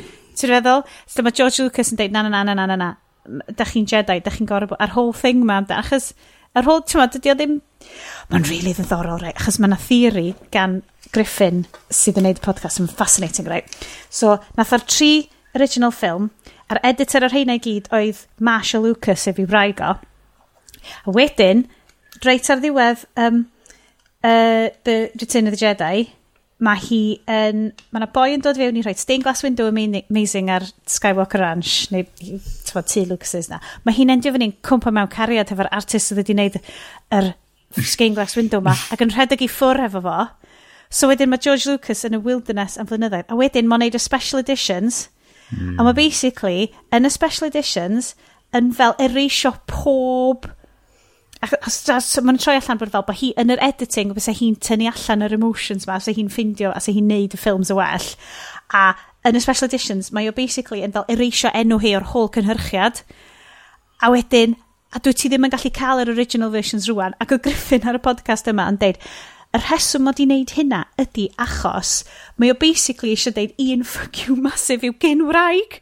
Mosio hi, mm. reisio hi yn gyfan gwbl o Star Wars. Ac o'n i just fel, mind explode yn gwrando ar hwnna. Gara fi chwilio hwnnw. Oh my god, mae o'n... Fel, fel, fel, fel, fel ti'n esbonio, mae'n mynd yn ffitio. Tyfod, nes i drio dod yn y blaen oherwydd gyda'i Disney Plus. Um, o'n i jyst eisiau gweld gwahaniaeth llun rhwng yr um, despecialised editions gyda fi ag yr er 4K version sydd ar Disney Plus. So nes i watchad yr er darn lle mae Obi-Wan a Luke yn dod i fewn i Mos Eisley. Mm. Um, Twad, efo'r extra fucking bullshit dinosaurs yn, yn neidio i flaen nhw a falle ag oh my god mae'n edrych ar y bish. Um, ac mae'r despecialised editions yn edrych gymaint gwell a mae, mae bob dim yn llifo lot gwell o, o ran tywod, y timing. Maen nhw'n cymryd rhy hir y ddod i fewn i'r dre yn yr, yn yr ei diwedd ara. Ti'n dweud hwnna'n editing choice fyna? Yndi, mae ma definitely, yeah. mae lle maen nhw wedi, mae ma hi wedi, pob yn agor wedi editio hwnna, yr yeah, er, er, er, greiff, greiddiol, mae'r ma timing yn teimlo'n spot on i pan mae o'n dod i fyny at y Stormtrooper mae o'n dweud, you don't need to see blah blah blah. Yeah. Um, you know, these aren't the droids you're looking for. Um, mae'n ma teimlo fatha, just yr amser iawn. Ac yn yr un arall, mae'n teimlo fatha, oh, ffoc, mae hwn dragio wan. Ie, yeah, da chi'n gweld mm. pam da ni'n dal yn dreifio trwy'n. Ddim, ddim um, uh, bod, ffilm Tarantino di hwn lle mae'n dreifio rownd LA uh, uh, yn, a hwnna ydy'r stori. Hwnna ydy'r so, so mae ma, ma wedi ffwcio gwmpas gormod de. Lots o, gormod. dwi'n teiri chi mae os ys gennych chi os da chi dal yn berson sydd hefo gormod o amser a eisiau gwrando ar podcast yn lle dal fyny hefo'ch massive list o rhestr o bethau da chi eisiau watched mae mynd nôl a gwrando ar um, blank check right o'r cychwyn y feed pan maen nhw'n cychwyn neud um, the, twa, maen nhw, ma o'r cychwyn nhw'n neud y Phantom Menace ymlaen a mae o'n really ddiddorol. Edrych mae maen nhw'n fel, maen nhw'n film, twa, film critics, ond mae'n, twa, mae'n, dwi'n, na i trio ffeindio allan fel, dwi'n credu na'r benod, so dwi wedi cyrraedd y penod lle maen nhw'n siarad amdan episode 4, 5, 6, a dwi'n credu na yr er episode um, Return of the Jedi mae Griffin yn rhoi allan yr, yr, fel, yr Hollywood history. Mae o fel, pe, mae fel penod o oh, You Must Remember This. Mm. Dwi'n edrych really? mlaen ar y funud, so, dwi, dwi dal, um, dwi wedi gorffen gwrando um, am fod dim darllen, ond gwrando ar llyfr um, um, Easy Riders and Raging Bulls ydw i amdan mm. tybod, uh, Hollywood, the, the film industry yn in y 70s.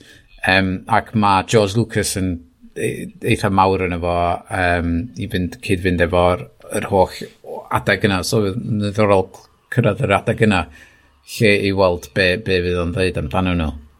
Brilliant. Dwi'n gwrando ar... Um, so penod... Um, I just ch check fewn i, uh, quick fewn i recommendations ta. Um, mae You Must Remember This, um, podcast ym Hanes Hollywood, ar hyn o bryd yn gwneud mini, um, miniseries ar Polly Platt. O'n i rioed wedi clywed amdano hi o blaen, ond mae hi yn yr Easy Riders, Raging Bulls, cyfnod, oedd hi'n un o'r menywod, oedd jyst yna fel, hello, hi, hi, dwi'n dwi, dwi, dwi gallu gwneud ffilm, dwi'n gallu cynhyrchu, dwi'n designer, pam bo fi ddim yn gallu bod yn rhan o'r boys club yma. Mm. Um, Mae'n ma fascinating, good cyfres. Um, Rhywbeth dwi really eisiau dweud, just just cyn i ni i gloi pethau fyny, dwi wedi bod yn darllen llyfr diweddara Bethan Gwanes. Dwi'n gwybod ddim yn arfer siarad am llyfrau hwn, ond na pam o'n i'n hwyr y recording hyn yma, achos o'n i just yn gorffen merch y gwyllt, sydd yn cracking. Lois Gwen Llian ar Twitter wedi wneud fel, fel teaser trailer ar gyfer y llyfr, be mae hi'n gobeithio bysau'n wneud fel um, TV adaptation o'r llyfr yma. A mae'r llyfr yma'n brilliant, right? Mae o'n proper fucking Harry Potter i grown-up merched. Mm. Ond dim Harry Potter, ffwcio Harry Potter, mae hwn yn fel hen, hen magic Cymraeg. Really fucking tywyll, really good. Da. Bach yn creepy, bach yn, oh, mae'n amazing, mae'n amazing. A Mae just... Pan ti'n sôn am empowered women, literally gwrachod ydyn nhw. A maen nhw just fel... Mae'r ma, ma, merched yn oedran fi a stwff hefyd, fel dwi'n teimlo fel fel dyna pwy sy'n yno fo. A so ie yeah, merch y gwyllt ydi yn hwnna. Hwnna di unig recommendation fi cos dwi heb gael amser i watched unrhyw beth. Hi thank you. Right boys beth ydych chi'n recommendio? Uh, dwi wedi gwylio Hamilton ar um, Allwn ni ddim, gawn ni wneud wythnos nesaf. Disney Plus, so fe drai awgrymu gwylio hwnna heb y plant. Um, oherwydd, tywod, mi nawn ni siarad amdano fo tro nesa um, yn fwy, ond, ond be na i ddeud ydy, Yn yr awr cyntaf lle oedd y plant yn yr un stafell a fi, ac oedden nhw'n ffeindio fo'n rili really anodd dilyn be o fynd ymlaen. Mm, mm. Ac mi mm. o'n i hefyd, o, oherwydd yna sodd o'n i'n gorau stopio fo a trio gweithio allan, oce, okay, be, be sy'n digwydd yma? Um, am fod oedd y geiriau mynd mor gyflym, oedden ni erioed i clywed y cynnion y blaen, um, oedd o'n just yn, oedd o'n, oedd o'n gormod o wybodaeth yn, yn dod i fewn i'n clystiau ni ar un pryd. Mm -hmm. So wedyn mm -hmm. nhw allan ac oedden ni wedi cael brec, Um, oedden nhw ddim yn mwynhau o gwbl, oedden nhw, oedden nhw jyst really eisiau mynd o'na. Um, ond wedyn nes i fwynhau o oherwydd o'n i'n teimlo fatha, o'n i ddim o dan bwysa i esbonio i nhw be o'n mynd ymlaen ac o'n i'n mm -hmm. just cymryd o'i fewn. So nes i really mwynhau wedyn. Um, uh, dwi yn addo, nawn ni definitely, achos fydda i, dwi, dwi dal heb sgrawndio um, Disney Plus, dwi eisiau sgrawndio codes, neu sgrawndio codes off rwy'n, a na i uh, uh, i ddod fewn hwnna, achos dwi'n gwybod bod bys y Bryn a fi yn licio wneud uh, uh, Cornell Broadway um, hwnna. Programming note bach i pobl sydd yn meddwl trio cael yr free trial am, oh, yeah. am Disney Plus er mwyn gwylio Hamilton. Hamilton bad news, mae Disney glyfrach na hynna a maen nhw wedi blocio Hamilton o gallu cael ei wylio os ti ar y free trial.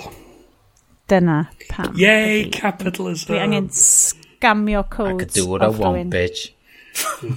fuck you, fuck you, we're Disney. Disney, yeah. Um, Nath rwy'n awgrymu diwrnod y blaen dyle Disney prynu TikTok ar wrth y Chinese i wneud o'n saff. Um, Mae sort of ffitio fewn efo'i thing nhw oherwydd fatha, ti'n gwylio lot o'r aglen i Disney, ydy pobl yn dawnsio a canu a stuff fel la. A dyna mae lot o bobl yn neud ar TikTok. Ti'n sa Disney, um, sa Disney, sa a Disney chwalu yn edrych ar stwff am heis sydd ar TikTok. Mm, yeah. A gorau delio efo'r stwff yna. Yeah. Um, Gynna fi ddau beth arall i'w mm -hmm. roed ymlaen um, podcast um, dwi'n talu amdan, yr un cynta a'r un, yr unig un dwi'n talu amdan ar y funud, mae gan um, uh, John Gruber sydd yn sy'n cael ei classifio gen rhan fwyaf o bobl fatha Apple fanboy, Um, uh, Apple fanboy. Yr Apple fanboy, ie. Yeah. um, ag, um, oh, be dyn nhw fo, um, mae, mae boi arall um, sy'n neud gwefan strategery sydd yn analysio bob dim tech ag um, sydd, sydd eitha... A, a, um, Tywod, mae, mae o'n edrych yna fo o safbwynt hollol wahanol, mae o'n byw yn Taiwan ag maen nhw'n dyn nhw ddim yn cytuno efo'i gilydd bob tro. Dyna sy'n dda amdano y podcast yma, Dithering di enw fo. Um, ac mae o'n 15 munud, um, bob di llun, bob di merchar, bob di gwenar, uh, am 5 dolar y, y mis ac maen nhw'n gyson mae o'n bang on 15 munud bob, mm. bob tro ac mae'n mae cael ei siarad un pwnc bob un, bob un penod ac oherwydd dyn nhw'n cytuno yn, yn llwyr efo bob dim, mae o'n neud sioe werth, tywod, mm. werth i hmm. randor. Nes i, nes i dan ysgrifio efo yn syth pam nath nhw gyhoeddi fo, jyst i weld be oedd o fel. Um, a dwi ddim yn gweld fi'n stopio talen dyna, dwi'n really mm. mwynhau gwrando arnyn nhw yn, yn dadla fo'i gilydd amdan TikTok oedd yr un diweddara, wel, y Twitter thing oedd yr un diweddara, TikTok oedd cyn hwnnw, um, a rhywbeth i wneud efo baseball oedd o cyn nhw, dwi'n cofio nawr. Ond, um, ie, yeah, mae hwnnw werth i wrando ar, um, os gynnwch chi, dwi'n dwi meddwl, dwi'n cofio os oes na rhyw um, penod ti'n gallu gwrando am ddim iddo fo, dwi'n siŵr. Ond os da chi, os mynd i feed Daring Fireball, fo o podcast, mae yna penod eitha diweddar efo'r ddau yn nhw arno fo, um, so ydych chi'n cael y, y vibe o sy'n ma'r ddau efo'i gilydd. Mm cool, achos dwi newydd, um, just quick cyn i fi gyda ti, Bryn, dwi newydd um, subscribio i Max Fun am, so, dy, i, i gefnogi nhw. A dwi'n edrych am ffyrdd gwellu fel gwario gwario pres fi rwan dros lockdown, so dwi'n edrych yn pethau subscribe i. Dwi hyd yn oed yn ystyried subscribe i Golwg Digital, guys. Have a think, Juan, have a think. So, uh, Bryn, beth gen ti awgrymu? Uh, fawr byd mawr. Um, Mae hynna'n neis. Un o'r pethau sydd wedi ddod i fyny yn y YouTube algorithm fi ydy drunk history. Ah, sydd, licio drunk sydd history. Sydd wastad yn hwyl. Um, um, lot o comedians dwi'n licio, pobl a actorion dwi'n licio. Mae Paget... A Lynn Manuel Miranda yn efo fyd. Ydy. Uh, Paget Brewster wedi dod i fyny mwy na unwaith, a mae hi'n anhygol. Um, uh, yeah, so maen nhw'n mynd fatha... So, concept y sioe ydy, mae'r ma, ma, ma rhywun enwog wedi meddwi'n chwil gaib yn esbonio hanes rhywun yn... Um, yn well, hanes rhywun uh, enwog. A wedyn, mae hwnna cael... Ma, yn ystod hwnna wedyn, mae nhw'n ma nhw cytio i actorion yn actio allan Ond yn lip-syncio. i'r narrator yn chwil gaib. Meddwl. A mae o'n anhygol, a mae'r lip-syncers yn, yn spot on. Oh, amazing. Ti'n be, mae hwnna yn, ma hwnna'n joy. Dwi'n cofio gwachio hwnna, ti'n bech yn ôl. Ah, mae'n ipyn o hwyl. Mae'n ipyn o hwyl. Um, a blam hynny, ie, yeah, just bod yn, dwi wedi bod yn ail wylio bach o Brooklyn Nine-Nine. Sydd yn... Ah, nes i lawr bach o... It's a nice police. O ail wylio Criminal Minds. Dwi ddim yn Abercrombie. A fyswn i ddim yn awgrymu hynny. Mae'n ma, ma, ma, ma oh. 14 cyfres ar... O, oh, dim diolch, dim diolch. Ar, um, ar Amazon Prime. A, wow. So, fatha un o'r fatha'r police procedural ydi o, ond maen nhw'n FBI profilers sydd yn edrych ar ôl, edrych, dilyn ac yn trio dal serial killers. Ah. So, da chi'n dychmygu mae yna gymaint o serial killers a maen nhw gyd yn lladd pobl mewn ffyrdd erllych a just... just Unigryw. A, a, a, a, so, ma'n di... Dwi'n gwybod sydd wedi dweud o'i enw fan iawn, ond di... Uh, Patinkin. Ia, dyna fo, diolch. Um, oedd o yn fo am dair cyfres, a nath o adael y sioe. Basically, dweud bod o'n dyfaru neud y sioe, chos o'n teimlo oedd o ddim yn dda i enaid o.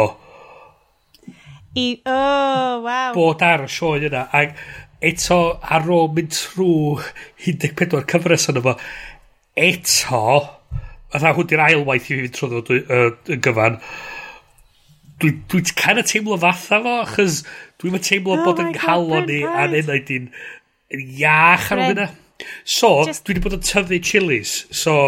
Do, mae Chili's ti'n edrych yn amazing. Checiwch allan Instagram yeah. at Bryn, so, Brynes. At Brynes, ie, ie, Um, So, dwi wedi tyfu un allan o hadyn. Mae wedi tyfu, wan, mae wedi dechrau blodeuo.